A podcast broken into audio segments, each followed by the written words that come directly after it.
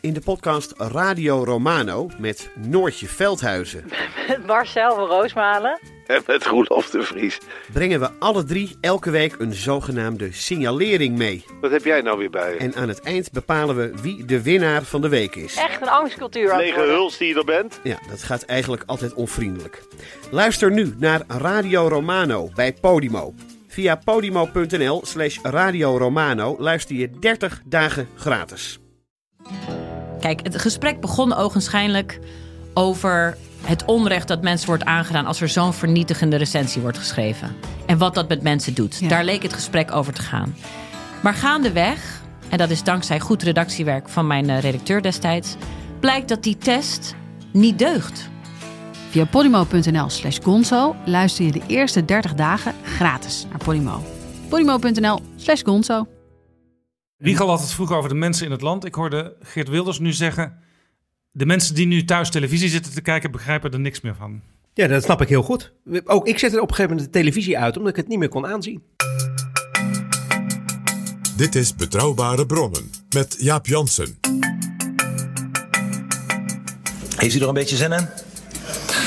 Zullen Heel we, erg. Zullen we maar beginnen dan? Lijkt me heel goed. Goed zo. Het Nederland van Mark Rutte is een ziek land. De suggestie van in wijken is er een probleem en dat gaan we nu met z'n allen ook problematiseren. Die werp ik verder van me en ik zeg tegen het kabinet: lees het regeerakkoord nog maar eens goed. Dat gaan we dus niet doen. Voorzitter, dit, dit, soort, dit soort cynisme en haaks gezever over woorden en trucjes, sorry hoor. Ik kom hier gewoon, ja, dit is cynisch, ja. Want die mensen hebben er geen klap aan. We eindigen dan het debat waarbij de Pechtold zegt... nou, maar het was een trucje. Waarbij ik een inhoudelijk voorstel doe en vraag om een reactie. U kiest woorden, u kiest sferen, u kiest toon. En vervolgens na deze dag hebben we geen klap gedaan... voor die kinderen die op een vierde nog geen Nederlands praten. Oh, jawel. We hebben geen klap gedaan voor die mensen die onder vrijheid opgroeien... en de vrijheid zouden moeten hebben. U heeft hier een moreel verheven dus debatje gevoerd met mij... en op inhoud heeft u niks toegevoegd en geen klap gedaan. Als ik zie wat dit kabinet doet, denk ik, goddank dat we niet bij zitten. Iedereen hier in deze zaal heeft mij achter de schermen toegefluisterd. Het net zo belachelijk en net zo verschrikkelijk en net zo'n idiote tijdsverspilling te vinden als ik. Voorzitter, wat we zien is eigenlijk vier koorballen die zich misdragen op een feest. Het haantje richt schade aan. Want het moet en het zal. En ja, de premier is eenzaam op dit punt. Hij is degene die gelooft in deze maatregel. Samen met zijn eigen vezels en Paul Polman. Wat een arrogantie, zou ik willen zeggen tegen de heer Dijkhoff. Ja, eh, u, u herkent het als geen ander. Tja, fragmenten uit de algemene politieke beschouwingen over de troonrede en de begroting voor 2019. In deze podcast ga ik het hebben over de vorm en over de inhoud. Dit is Betrouwbare Bronnen. Een wekelijkse podcast met betrouwbare bronnen. Welkom in aflevering 4. Straks praat ik uitgebreid met Bas Jacobs, hoogleraar overheidsfinanciën en economische politiek aan de Erasmus Universiteit in Rotterdam. Wat vindt hij van het financieel-economische beleid van het kabinet Rutte 3? Is het in alle opzichten het juiste beleid? Je hoort straks dat dit volgens Bas Jacobs niet het geval is. En voor Jacobs praat ik met mijn vaste gast Pieter Gert Kroeger over iets heel merkwaardigs. Minister-president Mark Rutte liet zich afgelopen woensdag op de informele Europese top in Salzburg vertegenwoordigen door de Belgische premier Charles Michel. In historisch perspectief is dat heel vreemd. Maar eerst in betrouwbare bronnen Roderick van Grieken, directeur van het Debatinstituut in Hilversum. Welkom in betrouwbare bronnen. Wat is het Nederlands Debatinstituut? Nou, het is een uh, organisatie die uh, inmiddels 20 jaar bestaat uh, en eigenlijk een drietal doelen heeft. Allereerst willen we ervoor zorgen dat mensen ja, beter leren spreken. Um, omdat het voor hunzelf waardevol is, maar ook voor de samenleving belangrijk is dat mensen goed kunnen spreken. We willen er ook voor zorgen dat mensen beter met elkaar in gesprek gaan. Dus in debatsituaties, maar ook op congressen en bijeenkomsten, dat je een zinvol gesprek hebt. En we willen er eigenlijk voor zorgen dat met name kinderen vanaf een jonge leeftijd, maar gedurende hun hele schoolcarrière, ja, actief met debat in aanraking komen. Om A, de vaardigheden te ontwikkelen, maar tegelijkertijd ook gewoon interesse te ontwikkelen in maatschappelijke vraagstukken. Bij debatten denken we natuurlijk aan de politiek, aan bijvoorbeeld de algemene beschouwingen van de afgelopen week. Maar jullie trekken het dus breder. Jullie gaan ook naar, naar scholen, naar bedrijven. Ja, veel breder. Sterker nog, ik denk dat de, de activiteiten die we binnen de politiek doen, is zeg maar een, een deeltje van de dingen die we doen. Uh, we leveren dagvoorzitters voor congressen. En daar worden we zowel door ministeries, maar ook door bedrijfsleven ingehuurd. En voor onze trainingen zitten bijvoorbeeld in beroepsopleidingen van Nederlandse Orde van Advocaten, Nederlandse Orde van Belastingadviseurs. In de medische hoek doen we heel veel. Dus het is eigenlijk ja, maatschappij breed wel wat we doen. En ik moet een soort disclaimer nog even erbij leggen. We hebben afgelopen jaar samengewerkt bij de voorbereiding van het grote uh, televisiedebat van, uh, van RTL voor de verkiezingen van de Tweede Kamer. En daar hebben wij uh, debatvragen bedacht. We hebben ook een beetje bedacht hoe het debat tussen de verschillende hoofdrolspelers zou kunnen verlopen om op alle manieren voorbereid te zijn, ook voor de presentatoren. Dus dat doe je ook. Ja, dat, eh, sterker nog, dat, ja, in, in de twintig jaar dat ik dit nu doe, is dat misschien wel het mooiste project dat ik heb mogen doen. Omdat ik zelf altijd heel veel kritiek had op hoe verkiezingsdebatten in Nederland georganiseerd worden. Ik vond dat we het veel meer van veel te veel uit een entertainment kant benaderen. In plaats van dat je serieus probeert voor de kijker duidelijk te maken wat meningsverschillen zijn. Ik vond ook nog eens dat die debatten niet zo goed geleid werden. En in 2010 heb ik toen voor het eerst uh, samen inderdaad met, met BNR en met Elsevier en, RTL 4 natuurlijk dat format mogen bedenken van het Carré-debat. En inmiddels hebben we dat nu drie keer gedaan. En ja, dan zitten wij samen dus na te denken over die stellingen met een groep mensen. Om dan ja, een goede debatstelling. De essentie is in mijn beleving van een goed verkiezingsdebat. En elk jaar bij de algemene beschouwingen kijken jullie hoe het debat verloopt. En zeggen jullie uiteindelijk ook aan het einde van het debat wie in dat jaar de beste debater was. Dit jaar hebben jullie het ook gedaan. En daar is uiteindelijk Lodewijk Asscher van de Partij van de Arbeid uitgekomen. En in jullie juryrapport, wat trouwens geschreven is samen met Jaap de Jong, hoogleraar journalistiek en media, Universiteit Leiden, en Donatello Piras, overtuigexpert en debatanalist bij jullie debatinstituut en binnenkort ook uh, getrouwd. En uh, ook nog Nick Schoenmaker zat in de jury, overtuigexpert en retorica-analyst. En jullie kwamen dus uiteindelijk bij Lodewijk Asscher terecht. Volgens het juryrapport vanwege een uitzonderlijk goede eerste termijn speech. In combinatie met een duidelijke en consistente debatstrategie en scherpe interrupties. Ligt dat eens toe? Nou, laat ik beginnen met. De, we hebben die prijs in 2008 voor het eerst uh, geïntroduceerd. om echt aandacht te vragen voor de waarde van een goed debat. En eigenlijk zei die algemene beschouwing is toch een beetje het, ja, het jaarlijkse hoogtepunt. waar heel veel mensen naar kijken. En die, als ze aan het debat denken, denken ze daaraan. Uh, dus vandaar dat we die prijs altijd bij de algemene beschouwing uitreiken. we hebben een aantal vaste criteria. En wat we dit jaar uh, bij Lodewijk Asscher echt echt uitzonderlijk knap vonden, was dat hij zijn hele eerste termijn uit het hoofd deed. Nou, onder de druk waar, waar uh, die fractieleiders onder staan. En met iedereen die meekijkt, om het dan uit je hoofd te doen, zo lang betoog. Um, de waarde daarvan is niet alleen dat dat knap is, maar dat daardoor je ook merkt dat het verhaal veel beter aankomt. Hè. Dat het komt veel meer door hè, bij jou als luisteraar. Ja, je merkt, maar je merkte ook in de Kamer zelf dat iedereen ja, toch recht overeind ging zetten. Omdat ze zagen dat hij het uit het hoofd deed. Maar al hadden ze het niet gezien, je merkt gewoon dat iemand echt een verhaal aan het vertellen is. In plaats van dat hij een tekst aan het voorlezen is. De Tweede Kamer is vaak een beetje een papierfabriek. Hè. Ehm, je ziet soms mensen sneller lezen omdat ze dan meer tekst kwijt kunnen. Want ze krijgen natuurlijk een aantal minuten spreektijd.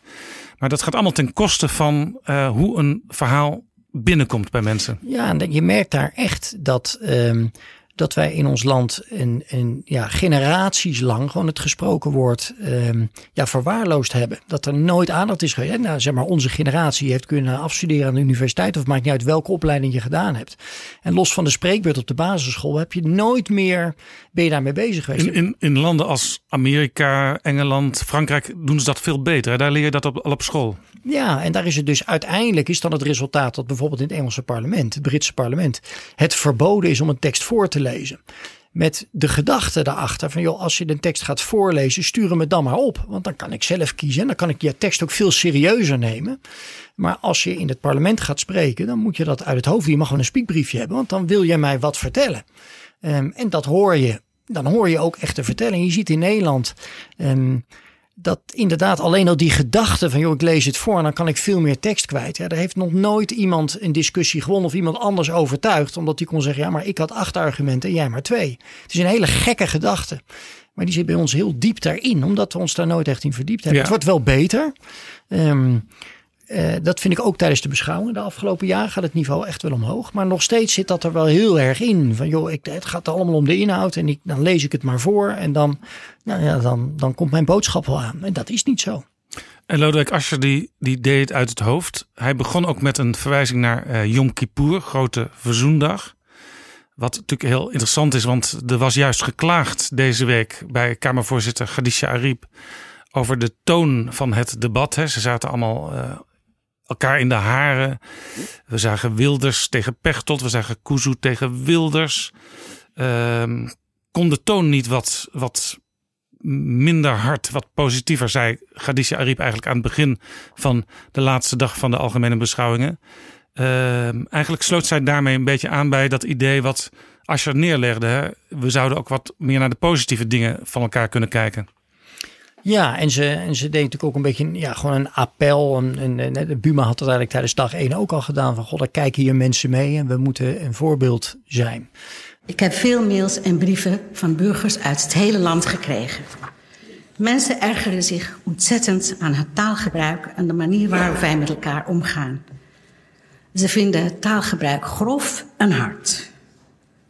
Het debat mag op het scherpst van de snede worden gevoerd, fel en kritisch. Maar dat kan ook zonder persoonlijk te worden. Het is onze gezamenlijke verantwoordelijkheid om met respect met elkaar om te gaan. En het aanzien van de Kamer zijn wij allemaal, 150 Kamerleden. Daar ben ik het helemaal mee eens. Tegelijkertijd vind ik wel dat een, een, ja, een volksvertegenwoordiger, die moet toch vooral zijn eigen tekst en taal kunnen kiezen. En dan is het zijn achterban die hem daarop moet afrekenen. Dat is reden één. Eh, de tweede reden is dat het uiteindelijk heel arbitrair blijft wat dan wel kan en wat niet kan. En alle tijd die je gaat besteden om, om met elkaar te bespreken wat kan wel en wat niet, ben je niet met de inhoud bezig. En ik denk als je hier nou maar geen aandacht aan besteedt en nou, laat mensen dan maar roepen, dan wordt het vanzelf wel minder. Ja, je ziet ook dat Kamervoorzitters in de loop van de jaren daarmee geworsteld hebben. De ene kamer, Kamervoorzitter was strenger dan de andere. Maar soms kwam het ook weer als een boemerang terug. En Ariep heeft er eigenlijk voor gekozen om eigenlijk zo min mogelijk in te grijpen. Af en toe een opmerking te maken. Maar ze, ze, ze, straft Kamerleden niet. Ja, nee, ik vind dat heel verstandig. Dus ik, eh, A, het, het wel als het in haar beleving de spuigaat uitloopt, het even benoemen. Zeggen van, goh, nou het kan wel een tandje hoger. Maar niet verbieden en ook niet ingrijpen. Omdat je, ja, het is arbitrair en mensen moeten toch hun eigen taal kunnen kiezen. En iedere keer dat je erop ingaat, heb je het eigenlijk niet meer over de inhoud. Nog even over Lodewijk Asscher. Hij begon dus met Grote Verzoendag. Hij had een, een doorvochte speech waar jullie veel waardering voor hebben. Uh, nou kijk je natuurlijk als debatwatcher van hoe komt iemand over en trekt die mensen over de streep die zitten toe te kijken. Hè? Zijn er meer mensen achter hem gaan staan als het debat ten einde is? Een ander ding in een debat is natuurlijk, uh, krijgt iemand iets voor elkaar? Is, is dat als je gelukt? Dat geloof ik niet. Ik geloof niet dat Rutte nou ergens echt toezeggingen heeft gedaan. Maar het gaat erom dat je in zo'n debat, wat natuurlijk door, door de meeste mensen niet van A tot Z bekeken wordt. Um, uiteindelijk ziet men alleen maar wat door media gefilterd wordt. En je moet proberen dan wel te zorgen dat je een consistente boodschap afgeeft. En dat deed Asscher wel heel erg goed. Dus zijn, zeg maar, die, die verzoenende boodschap en het uitstralen van ik wil ook kijken waar ik kan samenwerken. Dat heeft hij wel twee dagen consistent volgehouden. En hij heeft ook tegelijkertijd een paar keer wel heldere beelden neergezet um, van het kabinet op het moment dat hij, nou ja, dat hij vond dat ze de verkeerde afslag namen. En daar gaat het uiteindelijk om in een debat. Wat was, wat was een helder beeld wat hij neerzette? Bijvoorbeeld? Nou, ik vond bijvoorbeeld een heel sterk moment toen die uh, aan de ene kant natuurlijk eindeloos samen met anderen de premier had aangevallen op die uh, afschaffing van de dividendbelasting. Daar ging Rutte met veel passie tegen in. En toen op een gegeven moment even later ging het over uh, kinderen met een achterstand in het onderwijs. En daar vroeg Asscher wat extra geld voor. En Rutte reageerde daar redelijk kort op. Van nou luister, ja, dat is er niet en dat is natuurlijk vervelend, maar we gaan door. En toen vond ik een heel sterk citaat van Asscher dat hij zei: hey, dit staat toch wel een beetje in schreeuw contrast met de passie waarin u net sprak over de afschaffing van die dividendbelasting. Als ik dat nou vergelijk met wat u nu doet, dan zet dat wel een beeld neer. Daar kwam dus even Rutte in een schril licht te staan door eigen toedoen. En dat was natuurlijk het beeld wat iedereen hè, steeds naar voren wil brengen. Maar als het je dan lukt om dat mooi in één zinnetje op het juiste moment dat het ook aankomt even te benoemen, ja, dan vind ik dat heel knap. Iemand anders die ook uh, vrij consistent in het debat zijn geluid naar voren bracht was Geert Wilders. Waarbij mij overigens opviel dat hij uh, meer dan voorheen zich eigenlijk aansloot bij de algemene lijn die ook de linkse partijen hadden gekozen. Sociaal-economisch uh, moet er nog heel veel gebeuren en dit kabinet doet te weinig. Ja, ja, dat vond ik ook opvallend. Um, uh, aan de ene kant vond ik hem overigens, uh, was op de eerste dag was hij wat minder sterk. heeft zich ook bijna niet met het debat bemoeid. En ik vind als grootste oppositiepartij hoor je toch echt wel de hele dag aanwezig te zijn. Toen had hij ook natuurlijk dat dingetje met Pechtold, waar ja. die nog even op werd aangekeken door een aantal andere fracties. ja, wat ook privézaken ja, erbij halen. Ja, dus dat was ook wat minder sterk. Maar hij was op de tweede dag. Um, dus op vrijdag, toen, toen was hij wel heel sterk en breed actief. Um, onder andere inderdaad met um, uh, op dat sociaal domein een aantal keer goede punten, maar waar hij zich inderdaad ook wat gematigder opstelde. Dus hij was een paar keer, we kennen Wilders natuurlijk vooral als nou ja, vol erin. En ja, iemand zegt maar weer de strot af uh, bijten. Maar nu was hij een paar keer ook oprecht geïnteresseerd in het antwoord. En probeerde hij ook echt aandacht te vragen voor iets zonder te zeggen van nou, uh, u doet het helemaal verkeerd. En dan zie je dus ook dat uh, Geert Wilders langzamerhand ook de meest ervaren politicus is in de Tweede Kamer. Hij weet hoe het spel gespeeld wordt. Hij weet hoe debatten eigenlijk behoren te zijn. En daar liet hij dus nu eigenlijk meer van zien dan de afgelopen jaren. Ja, dat, ik denk dat het winst voor het debat is ook winst voor hemzelf. En wat Wilders natuurlijk ook knap is, zijn timing is altijd heel goed. Dus hij weet precies op welk moment die naar voren moet komen. Ik vond hem dus ook wel weer in, zeg maar, de, de Wilders zoals we hem kennen een paar keer heel sterk. Want iedereen probeert dat beeld neer, heel velen op links proberen een beeld neer te zetten van hè, je, je geeft aan, aan de rijken en je pakt bij de armen. En dan is de vraag natuurlijk, wie weet dat zo neer te zetten dat het gewoon in één minuut ook blijft hangen en dat het wordt uitgezonden. Ja, dat lukt hem toch weer als een van de beste. Door gewoon een hele lijst te gaan noemen van bezuinigingen en van belastingen die omhoog zijn gegaan voor de gewone man. Dan gaat hij heel rustig, leest hij een lijst van wel twintig dingen voor. En je ziet dan ook dat Wilders eigenlijk uh, eigenlijk een lijstje maakt wat uh, Jesse Klaver in, op zijn kantinetour heeft kunnen opschrijven. Namelijk, wat is het probleem nu bij politieagenten, bij verplegers, bij uh, mensen in het onderwijs? Uh, ze werken keihard, ze krijgen relatief weinig salaris. Ehm, je zou bijna kunnen zeggen, er is een soort volksfront aan het ontstaan van de linkse partijen plus Wilders. Ja, Nee, absoluut. En, de, uh, ja, en dan uiteindelijk, in die zin is het toch ook wel in zekere zin een wedstrijd tussen, uh, tussen die fractieleiders. Uh, met de goede bedoelingen. Maar je wil natuurlijk wel dat de manier waarop jij het zegt, dat dat overal wordt opgepakt. En daar zie je vaak dat Wilders dan toch het beste is. Omdat de anderen het vaak op een, laten we zeggen, intellectueel verantwoordere manier willen doen. Maar Wilders kan het wel zo verwoorden dat het snoeihard aankomt. Maar ja, je onthoudt het wel. Deel jij mijn observatie dat als je kijkt naar wie er het, vaakst aan de interruptiemicrofoon stond, dat dat Jesse Klaver was van GroenLinks?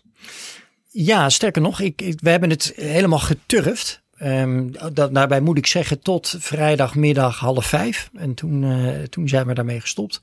En toen in mijn herinnering stond uh, Klaver toen wel bovenaan met aantal interrupties. Maar wel heel snel gevolgd door, uh, door Asser. Maar die was, soms ook samenwerkte, hè? dat ja. de een begon en de ander het afmaakte. Ja, dat is heel slim. Uh, effectiever denk ik dan dat dat in het verleden vaak gebeurd is. Ik begreep ook dat Klaver en een aantal mensen uit de oppositie ook uh, vrijdagochtend nog uh, strategisch overleg hebben gehad. Ja, hoorde ik ook inderdaad. Ja. Hoe deed Klaver het? Nou, ook goed. Ik vind dat Klaver um, um, een, een, voorbeeld is van iemand die, die het talent voor heeft. Hij is altijd al wel een goede spreker geweest. Maar die ook laat zien dat je gewoon een paar keer die algemene beschouwing en grote debatten gedaan moet hebben voordat je echt tot wasdom kan komen. Al heb je veel talent daarvoor. Um, en dat ik dit zijn sterkste keer vond um, deze keer. Dat hij in de, uh, in de volle breedte van het debat actief was. In het verleden is hij toch ook nog wel één of twee keer weggezet. Nou, dat gebeurde deze keer niet. Maar hij was ook rustiger, betere voorbeelden, maar ook een veel betere timing. Dus die, daar zie je echt iemand die door de jaren heen gewoon aan het groeien is. Iemand anders op links is natuurlijk uh, Lilian Marijnissen van de SP. Ik zag haar beginnen met haar speech en ik dacht, hé, hey, die heeft uh, sprekerstraining gehad. Want ze sprak rustig, ze legde de nadruk op de juiste dingen. Nou, ik weet dat niet, maar ik denk wel dat het heel verstandig zou zijn. Zoals dat voor iedere politicus verstandig is om dat te doen. En ik vond dat zij het voor een eerste keer ook echt wel goed deed. Want je. Ja, dat moeten we inderdaad niet vergeten. De eerste keer, soms denk je al, mensen zitten al heel lang, maar zij is pas een korte tijd geleden eigenlijk door, heeft ze Emiel Roemer opgevolgd. Ja, en die, en die algemene beschouwingen zijn in die zin natuurlijk ook niet te vergelijken met alle andere debatten. Omdat dit kan op ieder moment, kan elk willekeurig dossier je opeens in je gezicht geslingerd worden.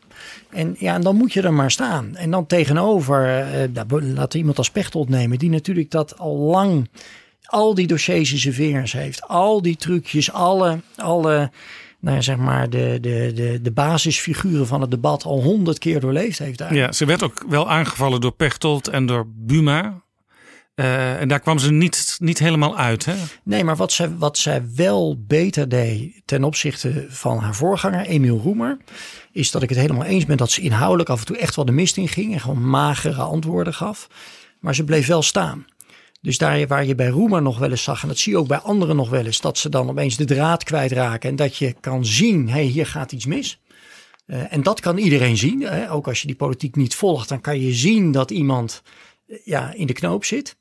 Daar bleef zij wel staan. Dus ze bleef vol vuur tegengas geven. Het tegengas was, was inhoudelijk was het heel matig. Maar vol verven bleef ze staan en leek ze niet van een stuk. En dat is wel stap 1 om verder te kunnen groeien. En een volgende stap zou kunnen zijn uh, je beter prepareren nog op wat je tegenstanders te berde zouden kunnen brengen. En dat zijn vaak per partij zijn dat een aantal vaste dingen hè, die je altijd krijgt tegengeworpen. Bijvoorbeeld Rutte die had het op een gegeven moment over ondemocratische partijen. Hij noemde niet de SP specifiek, maar iedereen had toen op dat moment het idee, omdat Lilian Marijns achter de interruptiemicrofoon stond, het idee dat het over de SP ging. Nou, daar, daar kun je je op voorbereiden. Ja, absoluut. Wat heel vaak uh, vind ik, vind waarbij de meeste Kamerleden uh, verbeteringen zit bij interrupties, is dat mensen heel lang nadenken over hun eerste vraag, hun eerste interruptie. Dan denk je, nou, dit is een hele goede vraag. Maar zich niet de vraag stellen, oké, okay, wat gaat die ander dan zeggen en hoe pak ik dan door? En je moet eigenlijk het adagium van beginning with the end in mind. Je moet beginnen met te denken, oké, okay, ik mag drie keer een vraag stellen. Waar ga ik de derde keer mee weglopen? Want je bent altijd in het nadeel dat de spreker het laatste woord heeft. Want die kan daar door met zijn verhaal. Dus op het moment dat jij na drie interrupties weg moet, moet je zorgen dat je zo'n goede laatste zin hebt geplaatst. Uh, dat je als winnaar weg kan lopen. En ja. daar moet je langzaam naartoe bouwen. Een van, de, een van de dingen die dan maar meteen te binnen schieten van jaren geleden is uh, Alexander Pechtold met die stapel rapporten. Ja. Hij verweet het toenmalige kabinet. Uh, uh, er is al heel veel geschreven, maar jullie doen maar steeds niks. Waarom blijven jullie maar praten en met het land in gesprek gaan? Dat was een kabinet Balkenende. En toen kreeg hij inderdaad, hij kreeg wat dingen tegengeworpen. En toen riep hij met die hele stapel in zijn handen, zal ik er een nietje doorheen slaan? Ja. Dat kun je bijna niet voorbereiden, denk ik. Hè? Nee, je kan, nou, je kan voorbereiden dat je met, met die rapporten er naartoe loopt. Dat had hij duidelijk voorbereid. Maar ja, dat je dan. En ik denk dat hij dat echt wel ter plekke bedacht. Dat laatste van zal ik er een nietje doorheen slaan. Um, ja, dat, dat je dan invalt, dat is deels talent. Maar dat is uiteindelijk ook dagelijks hiermee bezig zijn. En het begint met het, het snappen hoe belangrijk retorica in het vak als politicus is. En er lol in hebben om iedere dag opnieuw daarmee bezig te zijn en te spelen met taal. En het klassieke foute voorbeeld is waarschijnlijk de stekker ja. bij GroenLinks. Van Jolande Sap. Ja. Zij kwam met een echte stekkerdoos de Kamer in en ze riep tegen Wilders dat de stekker eruit getrokken moest worden. En ze ging dat ook letterlijk voordoen. Iedereen lachen, want iedereen vond het een beetje raar. En vervolgens zei Wilders nog, volgens mij heeft de stekker er bij u nooit ingezeten. Ja, ja dat, en dat is dodelijk. En korte tijd daarna was zij ook geen leider meer van GroenLinks. Ja. En het is ook, je moet daar, en, en je kan het deels leren, maar je moet daar ook plezier in hebben. Dus je moet het ook leuk vinden om, om, om zo'n, ja, toch zoiets uit te halen. Dat vond ik bij Job Cohen altijd. Die, die had ook echt geen plezier in het debat. Die vond dat gewoon niet leuk. En bij Balkenende had ik dat gevoel ook altijd als die er als premier stond. Die vond het gewoon niet leuk om te doen. Die vond het toch een vorm van corvée. Ja, bij Job Cohen zag je ook als hij op het spreekstoel stond... dat hij eigenlijk het liefst wilde dat hij zijn hele speech gewoon in één keer ja. kon houden zonder interrupties. Ja. Overigens zou ik daar voorstander van zijn. Ik zou er voorstander zijn bij alle debatten... dat je jouw eerste termijn, het mag korter... Volgens mij heb je echt geen 25 minuten nodig. Dat iedereen bij wijze van spreken 15 minuten krijgt. Dat je de kans krijgt om jouw hele verhaal te vertellen. En dan daarna de interrupties. Omdat het, het, het doel ook voor mij als kijker thuis is. En daar moet je van uitgaan, want daar doe je het voor. Hè, voor het, het, volk. Um, het is de volksvertegenwoordiging. Dat je dat ik de kans krijg om even te horen. Wat is nou de redenering? Wat is nou het verhaal van nou, Job Cohen in dit geval? De Kamervoorzitter probeerde dat ook een paar keer bij de minister-president. Dan vroeg ze aan de premier. Heeft u een blokje? Uh, Heeft u nog veel hierin? Dan doen we dat even zonder interrupties. Maar Ja. vaak lukt dat toch niet, want Kamerleden willen nu eenmaal de minister-president onderbreken. Ja, dus ik denk dat je daar, ik zou daar duidelijkere regels over afspreken. Omdat het de helderheid van het debat ten goede komt. Alleen daar krijg je geen meerderheid voor, omdat de goede debaters, die vinden het maar wat leuk dat ze direct aan het begin van een verhaal kunnen interrumperen. Ja, dat, en, en, en omgekeerd soms ook. Ik denk mensen als Pechtold, die willen ook best wel graag geïnterrumpeerd worden. Sterker nog, bij Pechtold is, vind ik altijd een wereld van verschil. Tussen het moment dat hij zijn eigen tekst voorleest. Waar die soms ook wel eens struikelt over woorden. En die, die, ik vind die teksten ook nooit zo heel sterk in elkaar zitten. En daar zit ook niet zijn talent. Ehm, en dan zie je hem echt opbloeien als de vraag 1 komt. Daar, precies wat je zegt. Dan is bijna blij als iemand naar die microfoon komt. Want dan, ja, dan is die ijzersterk. Dan kan die spelen. Dan kan die. Dat is een totaal ander mens. Ik zelf, als ik naar de debattanten kijk, heb nog steeds vraagtekens bij de inbreng van Klaas Dijkhoff van de VVD. Die kwam met een. Hij had op zich een mooi beeld van hoe zal mijn dochter in 2050 naar de wereld kijken. En kunnen we nu al de dingen in, in de juiste eh, banen leiden. En hij had ook een plan voor achterstandswijken. Eh, in de krant had hij een interview gegeven. Hij zei: Ja, sommige wijken zou je eigenlijk mensen dubbel moeten straffen als daar criminele dingen plaatsvinden. Nou, iedereen in de hoogste boom, want dan ga je in feite rechtsongelijkheid creëren. Eh, postcode racisme, zei toen Han Kuzu van Denk. Je zag bij Dijkhoff dat hij heel veel publiciteit ermee kreeg. Hij zat uiteindelijk ook s'avonds in Pauw nog. Maar hij heeft niks bereikt, want de hele Kamer ging eh, tegen hem in. En zelfs de minister-president nam afstand van dat plan. Ja. Nou ja, en ik denk dat dat laatste is natuurlijk, eh, dat is wel pijnlijk voor hem. Het feit dat de hele Kamer tegen je ingaat, dat zou ook nog een voordeel kunnen zijn. Want dan kun jij je dus duidelijk onderscheiden. En ze willen natuurlijk allemaal profiel hebben, dus dat is goed. Maar hij, hij had zich ook hier gewoon weer niet goed voorbereid op zijn verdediging. Dus je kan best die, dat plan lanceren, maar dan ja, de allereerste en meest logische vraag en kritiekpunt is: van kan dit juridisch wel? Je kan toch niet in plek A zwaarder straffen dan plek B voor hetzelfde vergrijp? En daar had hij echt nog niet het begin van een antwoord op. En het was nog, werd nog erger, want het ging ook over eh, achter de voordeur kijken wat er allemaal eh, bij mensen thuis aan de hand is. Daar zei eh Gert-Jan Segers van de ChristenUnie notabene over. Het zal toch niet zo zijn dat ik hier eindig als de grote liberaal tegenover de heer Dijkhoff? Ja, ook, nou, ook dat. Dus hij ging op allerlei, op alle fronten, ehm, ja, keerde het tegen zich. Ik vond overigens wel, want wij, wat wij doen is dat we op de, de na dag één, dan gaan we al die, die eerste termijn teksten ook nog weer eens gewoon opnieuw lezen. Omdat je eh, gewoon een oordeel wil geven ook over die tekst. Hoe Ja, het verhaal dan zie, je het, dan zie je het weer anders dan wanneer je het in een debat hoort. ja, want zeker een Dijkhoff, die heeft volgens mij 27 of 37 interrupties gehad. Dus je kan als, als eh, vertegenwoordiger van de grootste regeringspartij, ja, komt jouw verhaal per definitie niet voor het voetlicht. Nee, want je bent natuurlijk in principe ook altijd de gebeten hond. Hè? Want jij bent Ja. de, de te kloppen persoon. Terwijl het wel kan zijn dat je wel een heel mooi verhaal had. En het verhaal van Dijkhoff zat op zich wel goed in elkaar. Je noemde al dat zijn dochter, dat zat er als rode draad in. Maar hij had ook keurig drie heldere blokken in zijn verhaal. Dus het was een goede structuur. En hij bracht het rustig. Hij, hij liet zich niet opwinden door al die interrupties.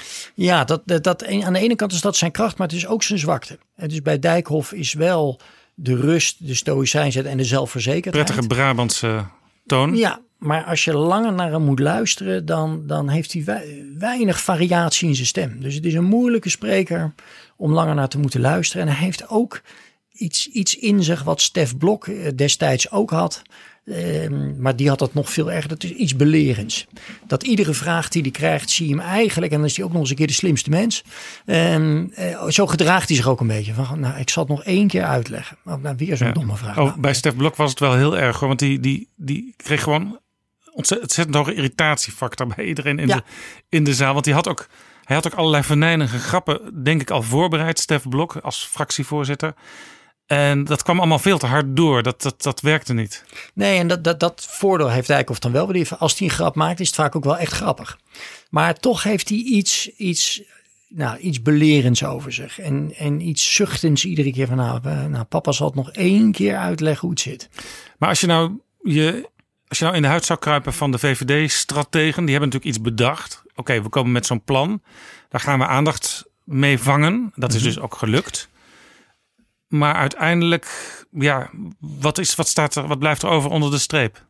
Nou ja, volgens mij is wat ze ook bedacht hadden niet gelukt. Volgens mij is- dit niet heel erg voordelig voor ze uitgepakt. Behalve dat je, zou kunnen zeggen dat de, de VVD-kiezer ehm, wat, een wat minder diepe interesse heeft in de politiek. Als je dat vergelijkt met andere partijen. En al snel iets hebben van nou, het is fijn dat het toch eens een keer gezegd is. Ja, dat hoorde ik bijvoorbeeld ook, ook zelfs in mijn eigen familie in, in Brabant. Bij de woorden van Stef Blok over ehm, ja, dat integratie in Nederland toch eigenlijk heel moeizaam is. En dat dat eigenlijk, eigenlijk kan het niet eens goed.